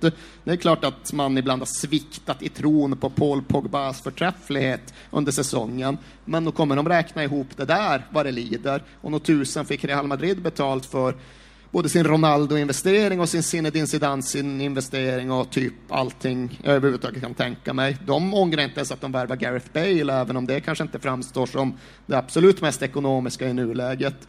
Vad är det senaste man kan komma på som gick i baklås? Det var när Betis värvade Nilsson 2000. Liksom. Annars är det ju fortfarande så att är man uppe och får till lyckas dra till sig spelarna med störst lyskraft, då kommer någonstans det stora transferhjulet att snurra rätt för en. Och det spinner ju på i precis den riktning som vi är inne på här. Kommer ju bara bli ännu mer hisnande transfersummor och det kommer bli färre och färre klubbar som har möjlighet att betala dem. Men de kommer ju Betis sitta kommer nöjda. inte göra det. Ja, Betis kommer dessvärre inte göra det. De hade det Nilsson-chansen. Det gick vad det gick, men nej, det är bara en fråga. Det är väl nästa sommar liksom. Det är ju när Ronaldo och Messi börjar fejda ut och när jakten på att ersätta dem blir desperat, vilket den förmodligen kommer bli ganska snabbt, då kommer det där eskalera ytterligare förutspår jag. Så det är inte alls långt borta. Man kan ju konstatera att den där rekordsumman hade ju redan spräckts om vissa spelare var tillgängliga på marknaden, men de har inte varit det. Så att eh, det är nog bara en tidsfråga, det är nog ganska snart. Tror du vi kan få se det redan i sommar, Patrik? Ja, om Mbappé går tror jag vi kan prata en och en halv miljard till och med. Det, det skulle alltså, om, om Real och Monaco ger sig fan på det så tror jag vi, vi kan prata en och en halv miljard. Skulle han vänta ett år nästa sommar så är det inte förvånande om vi pratar två miljarder. Inte det minsta. Spännande. Hörrni, eh, det får avsluta den första delen härifrån Trädgården. Vi eh, tar en paus på sådär 10 minuter. Vi tackar Erik och Kalle för att de var här. Foton Eh, vi- nu, foton, meet and greet. Vi återkommer med eh, Simon Bank och Babylona Khosravi om en liten stund. Patrik, jag kan inte låta dig släppa mikrofonen där. För när vi konstaterar material. att Simon Bank ska komma hit så måste jag bara citera ett tweet jag fick för halvannan timma sedan. Twitter är ett forum med betydligt fler brister än förtjänster, men här hade jag faktiskt nytta av det. Det är en person som tar en skärmdump och citerar den gamla klassiska serietidningen Buster och läsarnas galna rekordsida. Och nu zoomar jag in för att verkligen eh, pricka vartenda ord i eh, den mening som nu följer. En läsare som har skickat in ett galet rekord till Buster, det låter alltså så här. Blockflöjtisten Simon Bank flöjtade iväg och spelade Nu tändas tusen juleljus 45 gånger utan avbrott i 10 minuter. På blockflöjt förstås. Det ni. Jag lämnar över till Simon Bank med dessa ord. Jag hoppas att ni tar det vidare. No X, no. Då, kära vänner, eh, hoppas jag att alla har fått en selfie med Erik Niva. Är det några kvar? Det är några kvar som... det är en sån så glädje. glad, alltså. Erik Nivas meet and greet. Ja. Det, det, är- det vi har döpt om det till. Eh, välkomna till den andra halvan utav Sillypodden live. Vi har gjort lite personalbyte som ni ser. Eh, in på scenen har vi Babylona Khosravi och Simon Bang. Det innebär att vi ska flytta lite fokus ifrån de eh, engelska eller brittiska öarna eh, till Italien och Frankrike och kanske lite andra delar av Europa också. Eh, Vi får se vart vi landar. Eh, Babylona, du som... eh, Du kan väl presentera dig själv. Vad, vad, eh, vad hamnar du? Inter, eller hur? Jag är inte rista än. Ja, precis. Och Simon, eh, är det blockflöjt som vi ska tillskriva dig nu i första hand eh, framöver? Du måste faktiskt reda ut det. Alltså det är ganska enkelt egentligen. Att det, det är fascinerande att just Erik tar upp det sådär. Men, men det är väl lite där vi skiljer oss åt så. Att Erik älskar musiken, Erik älskar sin fotboll. Medan jag spelar fotboll och spelar musik. Jag är en renässansmänniska som skapar världen. Han konsumerar världen. Det är, det är väl den, den storyn ni får ta med er härifrån. Du, du kategoriserar alltså att spela Stilla natt 40 gånger i rad på blockflöjt som att eh, producera... kultur. Det är kultur. Ja, alltså jag säger att de första 35 var särskilt bra, men de fem sista, det är där magin uppstår. I tell you. Åh, vad härligt. Eh, Men det är, det är alltså sant? Det var du? Alltså vore en artist om jag svarar på den frågan? Nej, det är sant. Eh, hörni, Eh, Eh, det italienska Mercato-fönstret har öppnat ganska hårt den här sommaren, eh, får man verkligen säga. Eh, och det laget som det skrivs om i nästan varannan silly season-artikel känns det som, är Milan. För nu ska det satsas tillbaks till toppen, eller hur Patrik? Ja, nu har de fått sina kinesiska miljardärer här, även fast det är lite oklart om de verkligen har fått det, eller om de fått ett, ett eh, investeringsbolag som snart kommer plocka isär den där klubben och, och sälja av de bitarna som blir kvar. Det känns lite osäkert än så länge, men vi satsar dem. De har börjat värva, de har börjat värva hårt och vi väntar väl fortfarande på den, den största värvningen, om man får hoppas. Ja, för det är väl eh, Emil Forsberg som eh, kommer bli den kanske dyraste värvningen för Milan den här sommaren. Ja, allt pekar ju på det. Det är ingen hemlighet att Milan vill ha Emil Forsberg. Emil Forsberg vill till Milan. Han lockas väldigt mycket av det projektet. Han lockas av glamouren, han lockas av modestaden Milano som vi varit inne på. Eh, så han att, gillar eh, ju Gucci. Han gillar Gucci gör han. Vem gör inte det tänkte jag säga, men det vet jag inte om jag kan skriva under på. Men, ja. Nej, men Emil ska ju till Milan. Men eh, vad säger vi? Eh, alltså, Vad säger vi- man som Inter-supporter i sådana fall? Nej. så det vore en toppvärvning för Milan, men det vore ju trist för Inter med tanke på den sits man sitter i som lag. Eh, men Milan värvar väldigt bra. Man värvar logiskt, man förstärker rätt lagdelar. Eh, det bär emot att säga, men det är skitjobbigt. Alltså det, Nej, alltså jag tycker att det, det är väl rimligt med tvekan som, som du uttrycker Patrik, med de nya ägarna och allt det där. Men, men alltså de, de tidiga tecknen talar ju för att det är en, en sportsligt baserad satsning. Det ser väldigt, väldigt bra ut. Man är ute tidigt för en gångs skull. Eh, och, och liksom, jag tycker det ser, ser jättebra ut. Sen finns det ju en, om man tar den breda taken på om man just Forsbergvärvningen, är att det är spännande i Italien att alla kommer behöva yttrar. Det kommer vara liksom extrema krav på, för i princip alla toppklubbarna kommer spela varianter av 4-3-3, till och med Juventus gör det nu liksom. Så eh, man kommer vilja ha mycket speed, man kommer ha mycket kantspelare, man kommer vilja ha mycket Emil Forsberg-typer. Mm. Och reservationen man ska göra med Forsberg är väl just att eh, det som händer just nu är att agenten och Forsberg själv jobbar ganska hårt för att det ska bli Milan och det tyder ju också på att det finns ett visst glapp mellan RB Leipzig och Milan i, i värderingen av Forsberg. Så att det gäller ju att Milan pungar ut det Leipzig vill ha, att de verkligen släpper honom. Det kan man väl inte vara helt säker på än så länge. Det som är så intressant är också att det som vi ofta pratar om när vi pratar om Emil Forsberg är att för att, det ska, för att ett lag ska passa honom så måste spelet gå genom honom. Alltså han är som en, en eh, wide playing playmaker. Han är ju assistkungen förstås i, i, bonus, i hela Europa eh, den här säsongen. Och många av de stora klubbarna som han har ryktats till skulle han ju inte bli den här självklara fokuspunkten för ja, det, hela det offensiva spelet egentligen. Men i Milan känns det ändå som att den platsen finns, eller hur? Absolut. Eh, speciellt när eh, Delofeu kommer försvinna nu eh, så tror jag att Forsberg kommer bli bra.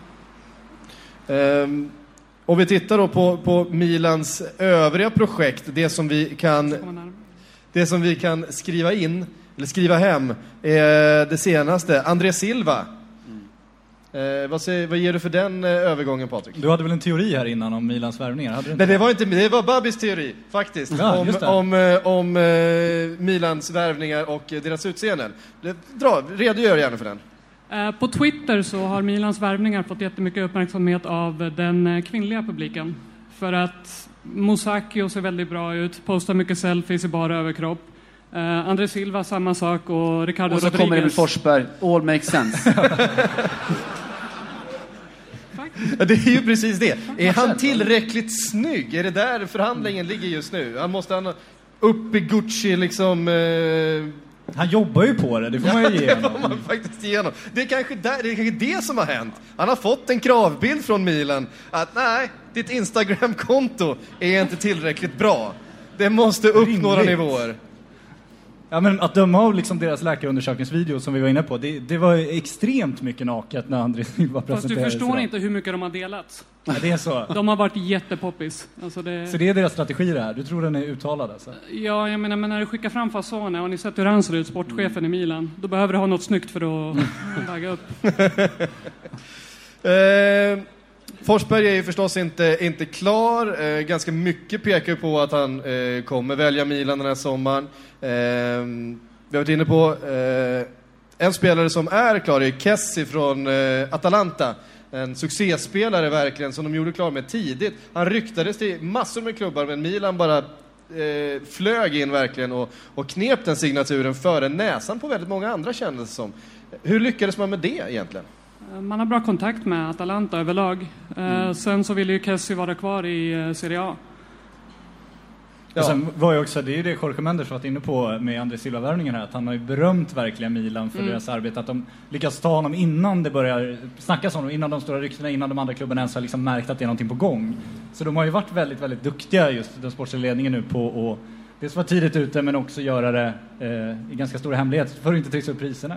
Nej, och det är spännande också att om man vill ha ett, ett stort, eh, ett äkta Milan-projekt så att satsa lite ungt och så, att vi i alla fall får den, den känslan. Och då blir Donnarumma också i sig så oerhört symboliskt viktig att ha kvar såklart. Och då är Eh, frågan, vad händer med Raiola? Han, han, ställ, han, fick, ju, han fick ju ultimatumet. Ja, behåll, eh, släng Raiola eller, eller dra var det väl Släng, släng, ja. precis. Sparka Raiola eller dra till en annan klubb. Men Donnarumma, alltså nu är det ett år på kontraktet. Mm. Eh, han måste ju förlänga. Hur viktig är han för Milans projekt då? Finns det någon trovärdighet kvar om han försvinner? Nej, men det är det jag är inne på. Att jag tror att om man liksom vill ha det, det unga, fräscha, starka och i någon mån kanske också det italienska projektet, vilket är viktigt, inte minst för en klubb som Milan, så, så tycker jag att den är totalt avgörande såklart att, att ha en sån spelare kvar. Ehm, om vi tittar då på andra halvan utav Milano i Inter. eh, Måste vi det? Ja, jag tycker faktiskt att vi måste det. Det var ju en, alltså man får ändå kalla det för en katastrofsäsong.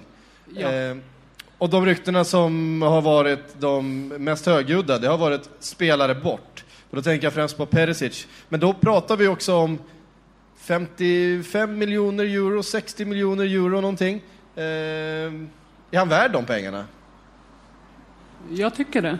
Alltså, han garanterar dig så mycket jobb på kanten, både offensivt och defensivt. Han gör poängen, han gör mål. Vem annan har det som har samma arbetskapacitet på den kanten? Hur eh, tycker du att Inter ska resonera här? Ska man liksom hålla kvar i honom eller ska man ta den här, de här pengarna som man ändå på något sätt behöver för att det här laget behöver ju byggas? Alltså jag är för att man kan sälja alla spelare efter en sån här katastrofsäsong. Det jag är rädd för är vem man plockar in. För att det har inte gått bra. Nej. Och nu verkar det som, är Spalletti, han är inte klar än va? Men, eh, Jo, han är klar. Han, han är klar, ja precis. Eh, har ju pratats i flera veckor. Vad, hur tror ni han tänker om det här projektet? Spalletti vill ju ha kvar Perisic, egentligen. Eh, Jag tror att Perisic är den som vill bort och det man hör nerifrån Italien i klubben är att han har en överenskommelse redan. Eh, Medan Inter pushar för en flytt till PSG för att eventuellt kunna få till en bytesaffär där. Med? Di Maria pratas det om en hel del. Men vad Ja. tycker du om det? För om man tittar på Milan känns det som det är ganska nytt, ungt, fräscht, italienskt, ganska roligt. Inte ryktena, det är ju Pepe, Di Maria, James Rodriguez liksom. Det känns trött. Ja. Det känns trött. Men Samtidigt finns det, ju, finns det ju ett lag i Inter, i Inter som ju har byggts och som har kostat ganska mycket pengar. Och det finns ju en hel del liksom, klassspelare. Jag tänker på en, en Ever Banega, liksom, den investeringen. Banega är på väg till Mexiko. Det är så sorgligt. Sorry.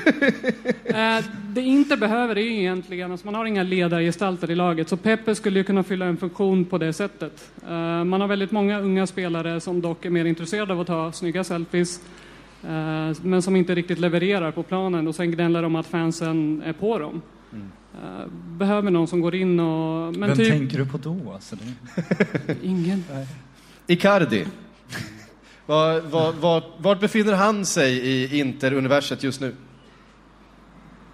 Han är väl den enda som får anses som osäljbar tror jag av ledningen för man har byggt upp så mycket av imagen kring det nya Inter på honom. Eh, dock så är han väl inte poppis i själva laget. Det är väldigt många spelare som går ut och pratar om att det är ingen riktig lagkapten. Till och med Felipe Melo som, ja, Felipe Melo, eh, pratar om att liksom, ah, nej, men han är en jätteduktig spelare men han är ingen ledare. Och han har väl en poäng. Alltså när du själv som lagkapten går ut och säger att jag försöker prata med alla i laget men det är inte alla som lyssnar då har du inte den Var, var pondusen. inte det liksom en, en del i, i vårkraschen Inter också? Det totala haveriet mentalt och moraliskt också. Att, att just Icardi är kapten i ett sånt lag. Det säger ganska mycket. Det gör ju det tyvärr. Mm. Han var ju inte direkt eh, fansens eh, favorit heller. Han är min favorit däremot. Alltså det, man har de här spelarna som man genuint gillar. Och grejen med Icardi var att jag upptäckte honom i Viareggio. Eh, när han var 16-17 kanske. Och spelade i Sampdoria som ju på något vis i alla fall är, är det laget som jag följer närmast i Italien. Eh, och han var så otroligt bra. Jag vet, sa att om inte han blir någonting, då blir ingen det. Och han blev ju någonting. Det är det här Mohamed Salah-skrytet Erik var inne på tidigare, som jag kände att du ville lansera nu. Ja men det är viktigt det där alltså. Ja, ja, det är viktigt. Och då, då följer man ju alltid med, då vill man att, att det ska bli bra. Sen så blev det lite för bra på väldigt, väldigt många sätt med, med Icardi. Och sen Pepe pratade med också, jag tror att för Inter så är det också en, en rimlig och logisk värld. För Inter ska ha en elak jävel som mittback. Det ingår på något sätt i, i klubbens historiska DNA. Så att jättegärna Pepe till Inter. Det här med att Milan-klubbarna som ju liksom traditionellt sett har varit Ja, men tillsammans med Juventus, eh, Milan-klubben, Eh, eh, traditionellt sett har varit, tillsammans med Juventus, de verkliga storklubbarna i, i eh, Italien. De som har varit där högst upp på slaget om, om titlarna. Det här är att båda två har liksom trillat av tronen. Hur har det påverkat det italienska, alltså den italienska fotbollen, stämningen eh, och framförallt Mercaton? Alltså det faktum att Milanoklubbarna inte har kunnat spendera som innan eftersom både Berlusconi och Moratti styrde det lite för gammalmodigt alldeles för länge eh, har gjort att själva ligan har ju tappat i konkurrenskraft.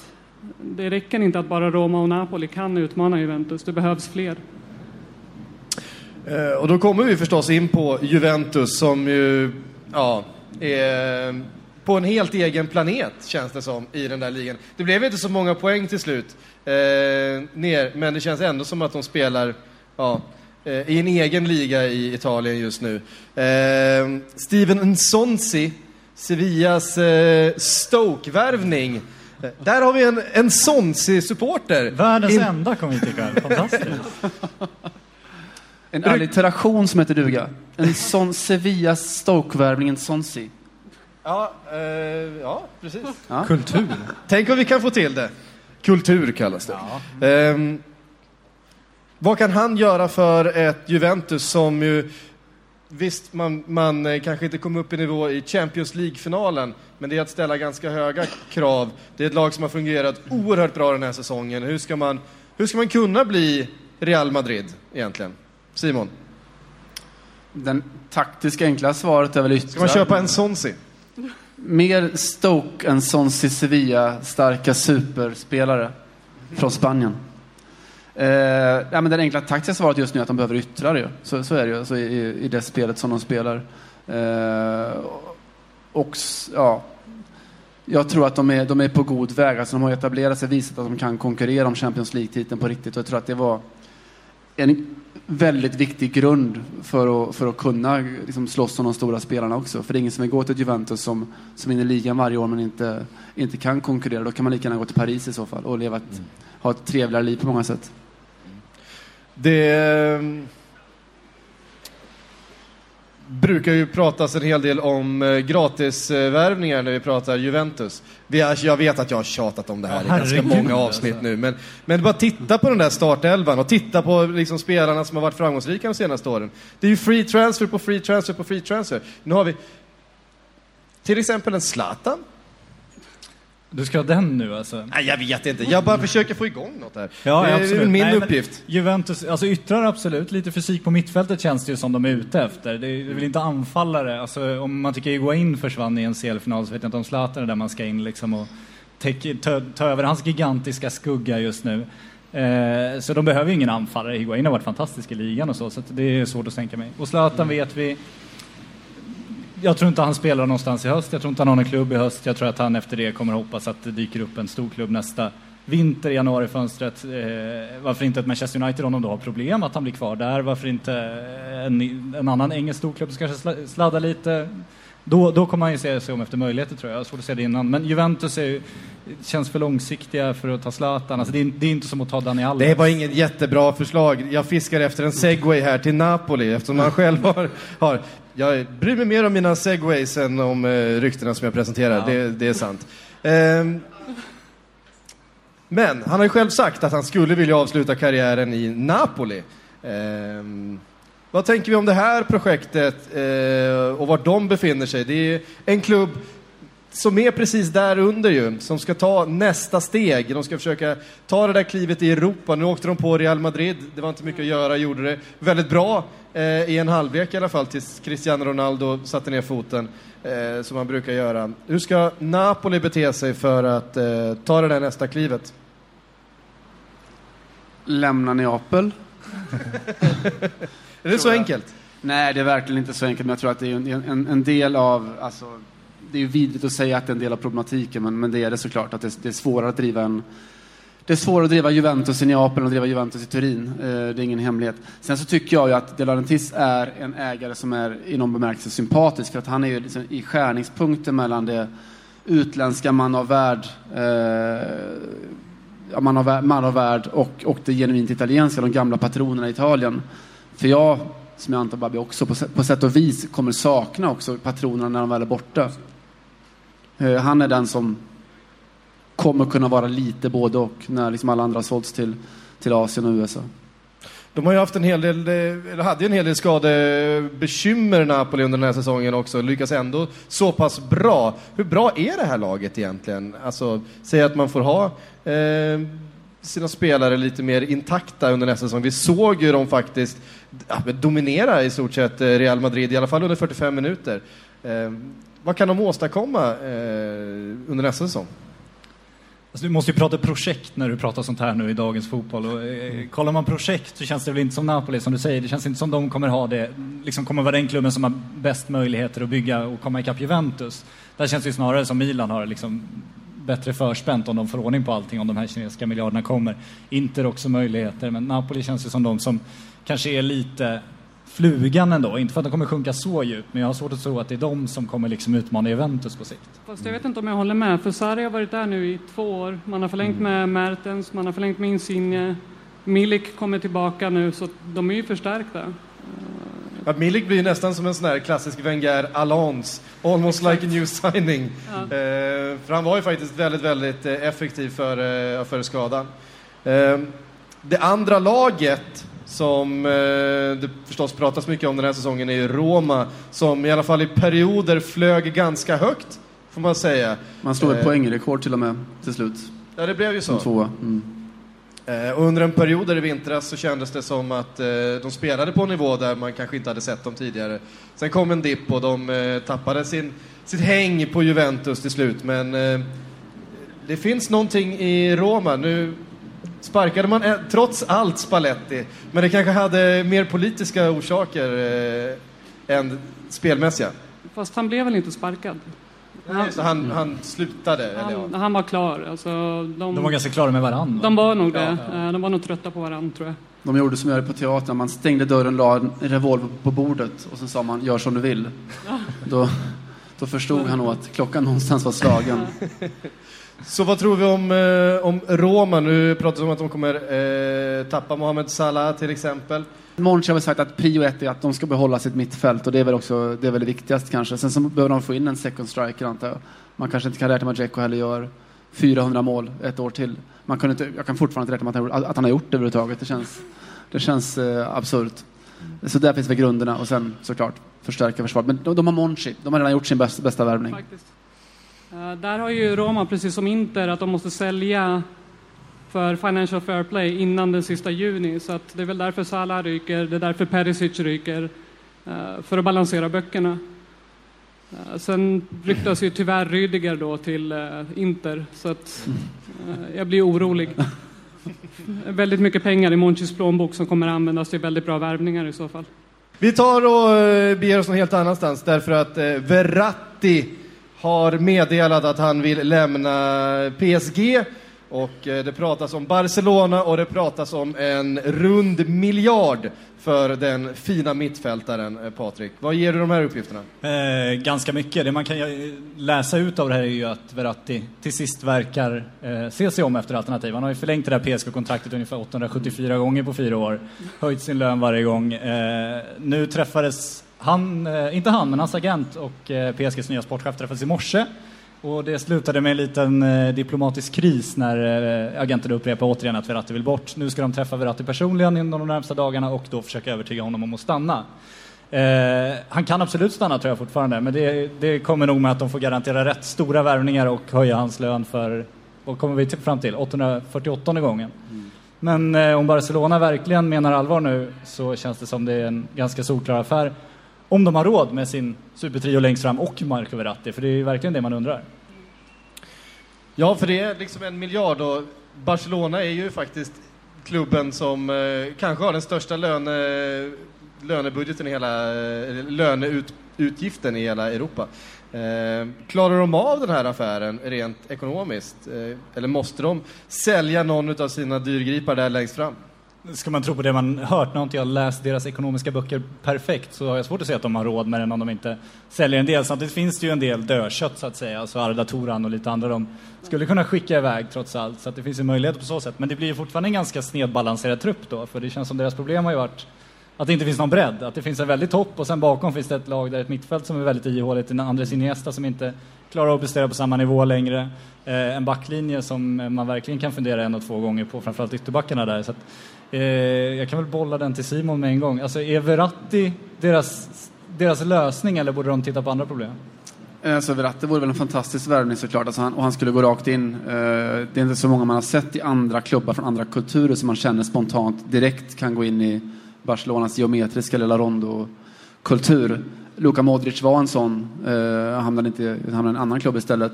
Verratti är också en sån. Så att rent fotbollsmässigt så finns det liksom inga...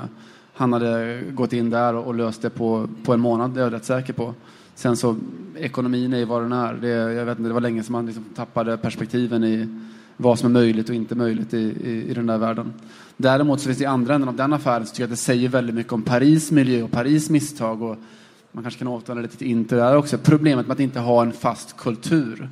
För att om man inte har det, varför vill då spelarna vara där? Man var, var där för att man, man tjänar mycket pengar, man vinner mycket titlar. Eh, PSG vann inte mycket titlar nu. Eh, då finns pengarna kvar. Eh, och det, är man Marco Verratti så är inte det en motivering, eh, motivation nog, tror jag.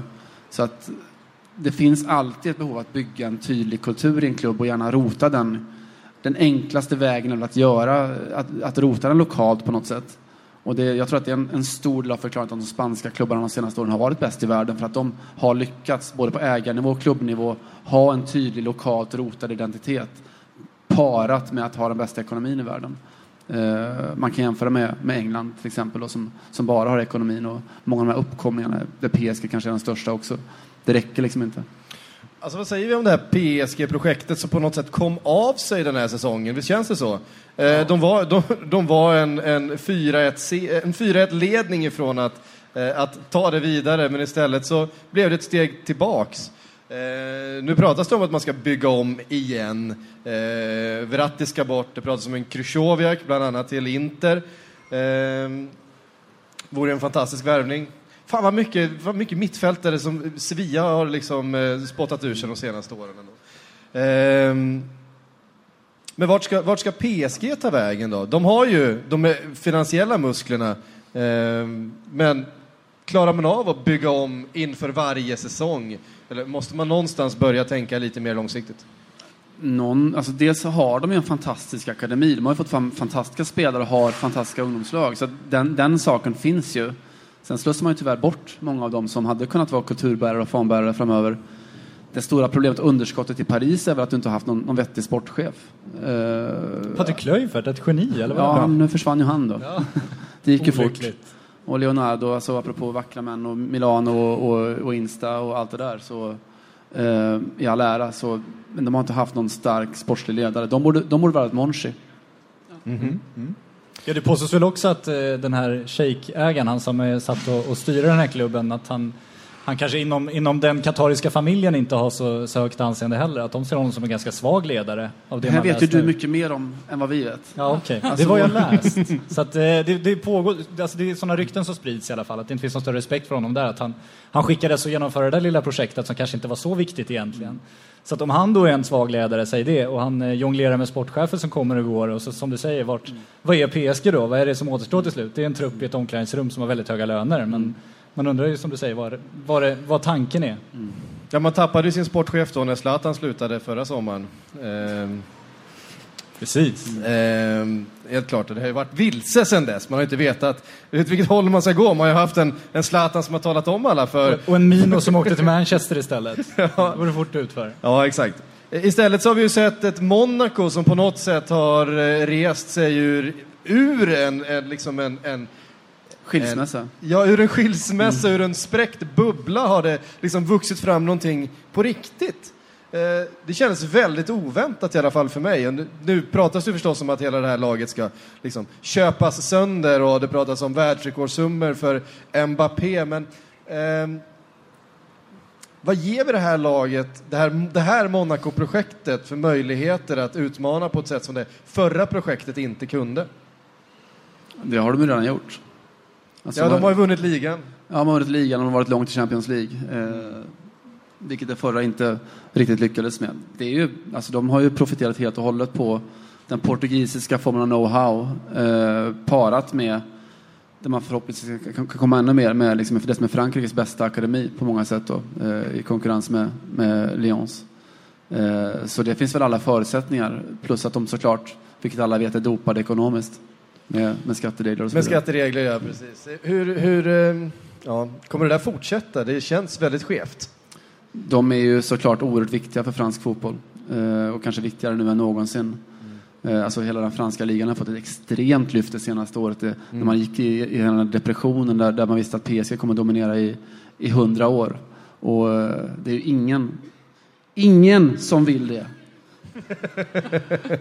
Eh, nej, så att det, det var nyttigt och nu, nu har man eh, Monaco som ju är man kan tycka vad man vill om klubben och så vidare, men som, som är ett charmant fotbollslag med en, en charmant ledare och en charmant Bappé på topp.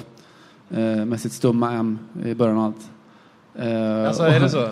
Kan vi, få, kan vi få ett riktigt uttal på? Kylian Bappé. Bappé? Ja, exakt så. Ja, all right. Då nu, nu vet ni. Nu vet ni. Ja, men ta en applåd för, för det korrekta uttalet på eh, sommarens hetaste eh, fotbollstonåring. Ehm, redan har vi ju dock börjat se ett eh, visst sönderfall av det här laget. Bernardo Silva har lämnat för Manchester City. Det pratas om Fabinho är väldigt nära Manchester United. Två väldigt viktiga kuggar ur det här mittfältet. Eh, Bappé kan mycket väl komma att säljas till ett eh, Real Madrid till exempel. Vad finns det kvar då? Eh, har man då lyckats med det som eh, målsättningen var eller Eh, skulle det vara ett misslyckande för klubben? Jag menar, man kan ju faktiskt välja att inte sälja också. Ja, det, de vill nog inte sälja, det tror jag inte. Alltså, sen så de sålde Martial, det var väl, och då trodde man att det här är över. Det här med unga, duktiga spelare från Monaco, det, det är färdigt nu. Och det var det ju inte.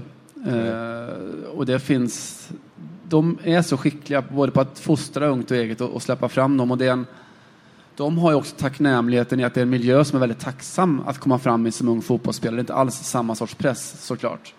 Ingen Eh, publik, så att nej. Nej, de, de ska inte underskattas. Jag har fan varit en del av hårda kravaller där inne på, på Louis II. Det finns några tuffa jävlar där också. Det finns några tuffa jävlar i Monaco. Nej, men visst, visst är det så. Det är inte alls samma publika press såklart. Det, det är ett behagligt liv. Och det, för tio år sedan så betyder det att, att eh, Koller kom dit och hade, hade det gött på liksom ålderns höst. Nu så betyder det att du kan få dit unga spelare som på något sätt liksom ändå, ändå mår bra i miljön. Du kan till och med heta Jeremy Menez som mår bra i miljön. Det, det säger allt.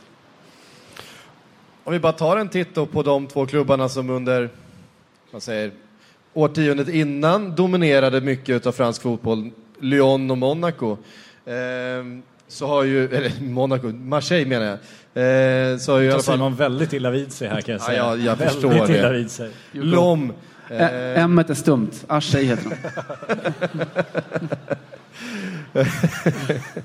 Ehm, så har i alla fall Lyon en väldigt eh, intressant säsong bakom sig. Man slår faktiskt ut det här framgångsrika Roma ur Europa League till exempel och eh, tar sig hela vägen fram till semifinalen. Nu kommer väl de också tappa Lacazette, vad vi tror. Eh, men finns det ett lag att bygga någonting här och utmana om den där ligatiteln framöver? Och Tolisso är ju redan Bayern bound. Just det. Eh, ja, alltså, problemet, de har ju varit, eh, alltså det är ju Frankrikes bäst skötta klubb sett över lång tid som alla, alla känner till med, med Olas och så, men de har ju haft ett jobbigt år även på det, det planet. Alltså, laget har varit en spegelbild väldigt mycket av hur klubben har skötts eh, det senaste året. Och det är inget gott betyg. Det har varit väldigt svängigt. Man har aldrig kunnat lita på dem. Eh, när de har varit bra så har de liksom gjort fyra på, på Roma. Eh, eller tre? Tre på en halvlek. Tre på en halvlek. Eh, och när det har varit dåligt så har man släppt in fyra istället. Eh, och det är för att Olas har gjort, han har gjort misstagen att han plockar in Ollier. Eh, han har haft Lacombe, sin tidigare paras sports, sportchef kan man väl säga under så oerhört lång tid. Ollier och Lacombe hatar varandra. Passionerat hatar varandra. Så det har varit inbördeskrig i klubben eh, i princip under hela säsongen. Så att de måste ju bestämma var de ska ta vägen med sin sportsliga ledning framöver innan de kan ta nästa steg med, med sina fortfarande väldigt många väldigt duktiga och fina talanger. Sen har de igenom själva stålbadet med arenabygget och, och ekonomin där.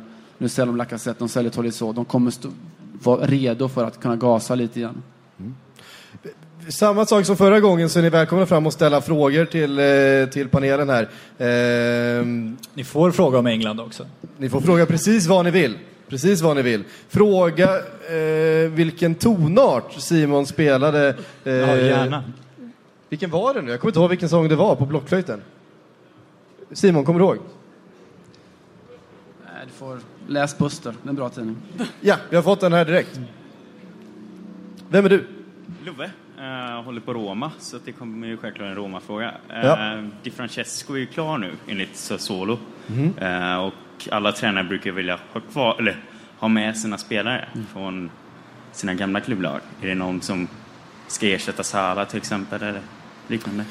pratas mycket om Berardi till Roma. Mm. Uh, ser väl inte honom som en naturlig ersättare till Salah, men han är ju utvecklingsbar och han gör det väldigt bra. Känns det som, som den spelaren just från Sassuolo som de skulle plocka in. Det känns som det, för det har ryktats väldigt mycket om honom, att han är en sån som gärna följer Di Francesco också. Att det, det skrivs mycket italienska medier om att de står varandra nära och så. Det har man väl märkt att har stannat så länge också. För att han har ju kunnat välja andra klubbar Han har ju tidigare det, minst sagt. Verkligen. Men det är, alltså det är roligt, alltså Babi hyllade ju Sarri förut och att Francesco kommer in också i en, en av de stora klubbarna utifrån provinsen tror jag. Nu kan han ju sitt, sitt rum och sådär sedan tidigare men jag tror att det är en otroligt spännande och, och bra tränarlösning. Ja. Vad tror ni? De har ju en hel del gamla Roma-spelare i Sassuolo. Är det någon som ryktas tillbaka där kanske? Politano eller? Inte än som jag har sett i alla fall. Senaste veckan har det inte skrivits någonting om det. Det har mest varit just Berardi när Di Francesco blir klar för att kunna Mm. få igenom lite det här. Man vill ha en soldatino som följer det man själv har. Det kommer ju spekuleras, om man säger så. Det är väl det första som händer när en, när en eh, tränare kommer att eh, alla spelare som man någonsin har eh, följt på Twitter ska ju värvas in. Eh, så vi får väl se, men eh, just Berardi verkar ju intressant. Mm. Hörrni, en spelare eh, som vi faktiskt inte har nämnt knappt under hela den här eh, podden är eh, Belotti. En av de mest eh, omskrivna spelarna. Torinos eh, guldklimp. Ehm, men det handlar om eh, att eh, sportchefen, jag kommer inte ihåg vad han heter, eller ägaren kanske det var till och med, gick ut i, och sa att Nej, men hostar ni upp en miljard, då får ni honom. Annars Han så har ju finns en det... klausul. Så finns det... Ja, 100 det är väl på en miljard. Ja, den är ju det. Så att Eh, och det finns ingen möjlighet att de eh, släpper honom för, för mindre. Det är ändå liksom, jag menar, det, det är rätt stora klubbar i världen som är ute efter den där signaturen. Eh, nog skulle han nog vara rätt sugen på att lämna Torino. Jag tror att han är kaxig fram till det kommer ett bud som ligger, okej, under klausulen, men att det, det, det kommer ett riktigt bud. Jag tror inte det har kommit något konkret än. Det känns ju som han står lite i kö på, på anfalls liksom. Ja. Lukaku ska hitta sin klubb, Morata ska hitta sin klubb. Vad, vad blir kvar till Belotti? Lite Exakt. så. Ja. Vi har fått fler frågor. Ja, hej. Eh, jag har inte en jättegenomtänkt fråga, men jag tänkte att jag måste bevisa att här också finns tjejer. Så Ja, var, mycket bra! så var, var, var snälla mot Ja. mig. Men eh, hur kan det komma sig att England inte presterar i Europa trots att de bevisligen har den största budgeten och eh, är benägna att betala högsta transfersummorna? Mm. Det är ju en, eh, en, en svår fråga, en fråga som vi har stött och blött eh, och som eh, jag inte vet vad det finns något jättebra svar på annat än att med alla de här pengarna kommer en otrolig kortsiktighet. Ja, det gör det ju dels och sen kommer det också eh, högre löner även till sämre spelare. Det ser man ju framförallt i Premier League tycker jag att alltså, de, de får inte mycket per krona. De, de betalar extremt mycket för sina breddspelare som får fantasilöner. De betalar extremt mycket för sina akademispelare redan där så, så försvinner en hel del pengar. Plus att de betalar extremt mycket till Mino Raiola varje år. Eh, så Ja, det. Det, det mjölkas pengar åt fel håll om man säger så. Sen vet inte jag långsiktigt vad man ska göra. Just nu känns det som de alla klubbarna har skaffat tränare som nästan blir större än klubbarna, vilket känns som ett ganska kortsiktigt tänk också. Det känns som att man värvar en Jürgen Klopp, en José Mourinho, så ger man dem allt mandat. Och sen, men vad händer om de drar efter två år? Var står man då kvar? Vad har man då? Har man en Det- trupp byggd för den tränaren? Vad, Men det känns också som man, som man eh, lägger överpengar på att hitta tillfälliga pusselbitar istället för att investera i... Alltså, akademierna är inte lika bra som de är i Europa. Det produceras inte spelare av samma kvalitet som det görs i Italien, eller i Spanien, eller i Frankrike eller i Tyskland. Och det är klart att det, det är någonstans där klubbarnas framtid ska, ska finnas. Du kan köpa in kvalitet, du kan köpa in en pusselbit till ditt lag, men laget måste ju någonstans, alltså, eller ligan eller spelet måste ju någonstans komma underifrån. Du kan inte bara köpa in, liksom, hur många spelare är det i Premier League? Ja, vad kan det vara? Det, där, det där var ingen särskilt genomtänkt fråga. Det är, 20, det är 20 lag och sen har de väl en 23 det här är man content. ungefär. Och... Någonstans här hade vi klippt igen tror jag. Ja, kanske. Ja, men det är 400 spelare. Eh, någonstans skulle väl en lite högre andel av dem behöva vara engelsmän och behöva vara lite bättre. Ja, det, det, är den, det är väl den klassiska förklaringen också det här att eh, tränarna i England ligger jättemycket längre efter utbildningsmässigt. De har mycket färre Ja. utbildade tränare, de har sämre utbildning och så.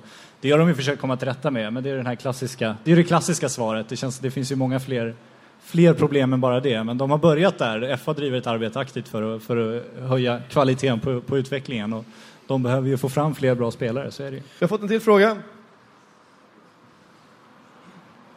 Eh, ja, hej. Jag har en egentligen ganska öppen fråga. Eh, jag, precis som ni, har ju följt silly season under ganska många år. Eh, och jag känner att typ i år så känns det som att det finns nästan fler tillgängliga storspelare än vad det finns köpande klubbar på ett sätt som jag inte har sett tidigare. Vi har dels Aubameyang och Lacazette som öppet har velat lämna sina klubbar. Vi har Alexis och Özil i Arsenal som är på väg ut. Eh, Det ryktas om att Bayern ska släppa Costa och Renato Sanchez och det finns inte så många klubbar som liksom behöver alla de här spelarna. Det känns som att när spelare som Lacazette och Aubameyang som har öst in mål nästan blir svårplacerade. Det är ju liksom PSG i så fall som redan har Cavani och vi vet ju hur bra han funkar på en kant liksom. Det, är, det är ju liksom det känns som att eh, om, om det någon gång ska vara möjligt för en klubb som Liverpool och Arsenal eh, att värva en, ens ett större namn så måste det ju nästan vara i sommar. Eh, jag tänkte bara hur ni resonerar kring det, om, det, om ni håller med om att det finns liksom ändå en del spelare, i alla fall med hög potential och högsta nivå, som ändå finns känns som de finns hyfsat tillgängliga. Plus Monaco och Leipzig som kanske köps sönder också med väldigt bra, duktiga spelare. Liksom. Det är väldigt intressant. Det säger väl kanske någonting om hur eh, toppen har blivit ännu spetsigare de senaste, senaste säsongerna. Att det finns bara några få klubbar eh, som kan köpa en viss typ av spelare. Eh, och att de, de ganska snabbt blir fullbesatta. Eh, vad säger ni? Har ni något bra, har ni något bra Ja, svar? vi säger så här att det märks att ni har liksom kört med Erik Niva här i ett par timmar för att där, ni har vant vid att släpper man ordet så kommer det aldrig någonsin tillbaka. Nej, Jag säger om ni lånar ut ordet ibland till mig och Babi, ni får tillbaka det killar. Så. Kör då. Eh, nej, är mitt svar.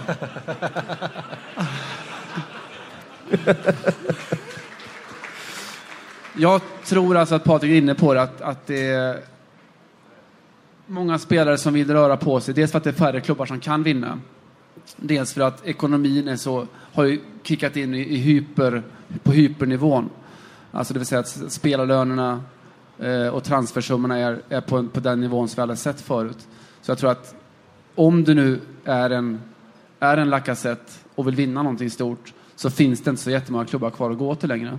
Där du liksom kan dubbla lönen från Lyon och samtidigt ha en, vara in with a shout för att vinna Champions League. Då, är det, då snackar vi om kanske 8-10 klubbar, det är inte mer än så. Så att jag tror att din, din spaning är korrekt så tillvida att det, eh, det finns färre klubbadresser, det finns färre som eh, ja, det finns färre alternativ för, för den, den kategorin spelare. Mm. Vi har fått en eh, fråga och jag tror att den får eh, avsluta eh, den här season-kvällen. Klockan börjar bli tio faktiskt. Eh, Anders här, två frågor. Japp. Eh, första, Asoro till Arsenal, vad ger du för den? Och sen så... Typisk Arsenal-värvning. Absolut. Sen så tog det bara tre avsnitt innan ditt löfte om att Griezmann aldrig skulle nämna, eller alltid skulle nämnas i podden bröts. Fram till nu då, som du nämnde det. Det håller i sig. Eh, nej, jag kanske var fel på den. Det, det ska väl erkännas. Han blir väl kvar? Han blir väl kvar, det sa Han väl jag förlängt. första podden va? Vad sa du? Griezmann har ju förlängt. Han har ju förlängt och han, eh, ja. Men Asoro, det säger väl allt om, eh, nu snor jag ordet från Simon här som jättegärna vill prata om det här, men jag tänker att jag börjar ändå. Jag Nej, men- tänker på Babi. Okej. Nej, men alltså, det känns som det bara visar liksom hur, hur högt värderad snabbhet det är. Man ser ett Liverpool som bygger som när man själv spelar tv-spel, Fifa, och köper alla med högsta, högsta på snabbhet liksom, och bara väller fram. Eh, det är ju Jörgen Klopps taktik och det känns som ganska många klubbar gillar den taktiken just nu. Att snabbhet är extremt högt värderat. Det ser man ju också i u landslaget när han kommer in som sista anfallare framför väldigt formstarka spelare. Enbart på grund av att han är en snabb inhoppare som man kan ha väldigt stor nytta av. Så eh, alltså, om de får Asoro väldigt, väldigt billigt, det är klart de kan sätta honom i ett utvecklingslag och hoppas kunna komplettera den snabbheten med allt annat. Men de kommer inte plocka in Asoro och, och hoppas att han ska liksom få Giroud att lossna. Nej, och bytesaffär rakt av med Özil är uteslut eller? Jag tror det. Nej men alltså det, det, spetsegenskaper, det är klart att det, det, det, är en, det är en sund gambling att göra såklart. Alltså, blir han något, alltså plockar de honom nu så är det inga pengar. Men han har en spetsegenskap som är, om två år kan vara, kan vara värd lika mycket som, jag vet inte, Bappi.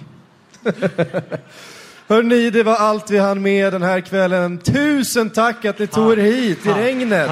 Fantastiskt! Och vet ni vad? Vi är tillbaka nästa vecka med en helt vanlig Sillypodd. Så vi Tack för oss. klipper. I think I worked for 16 years here in England, and I deserve a bit more credit than wrong informations.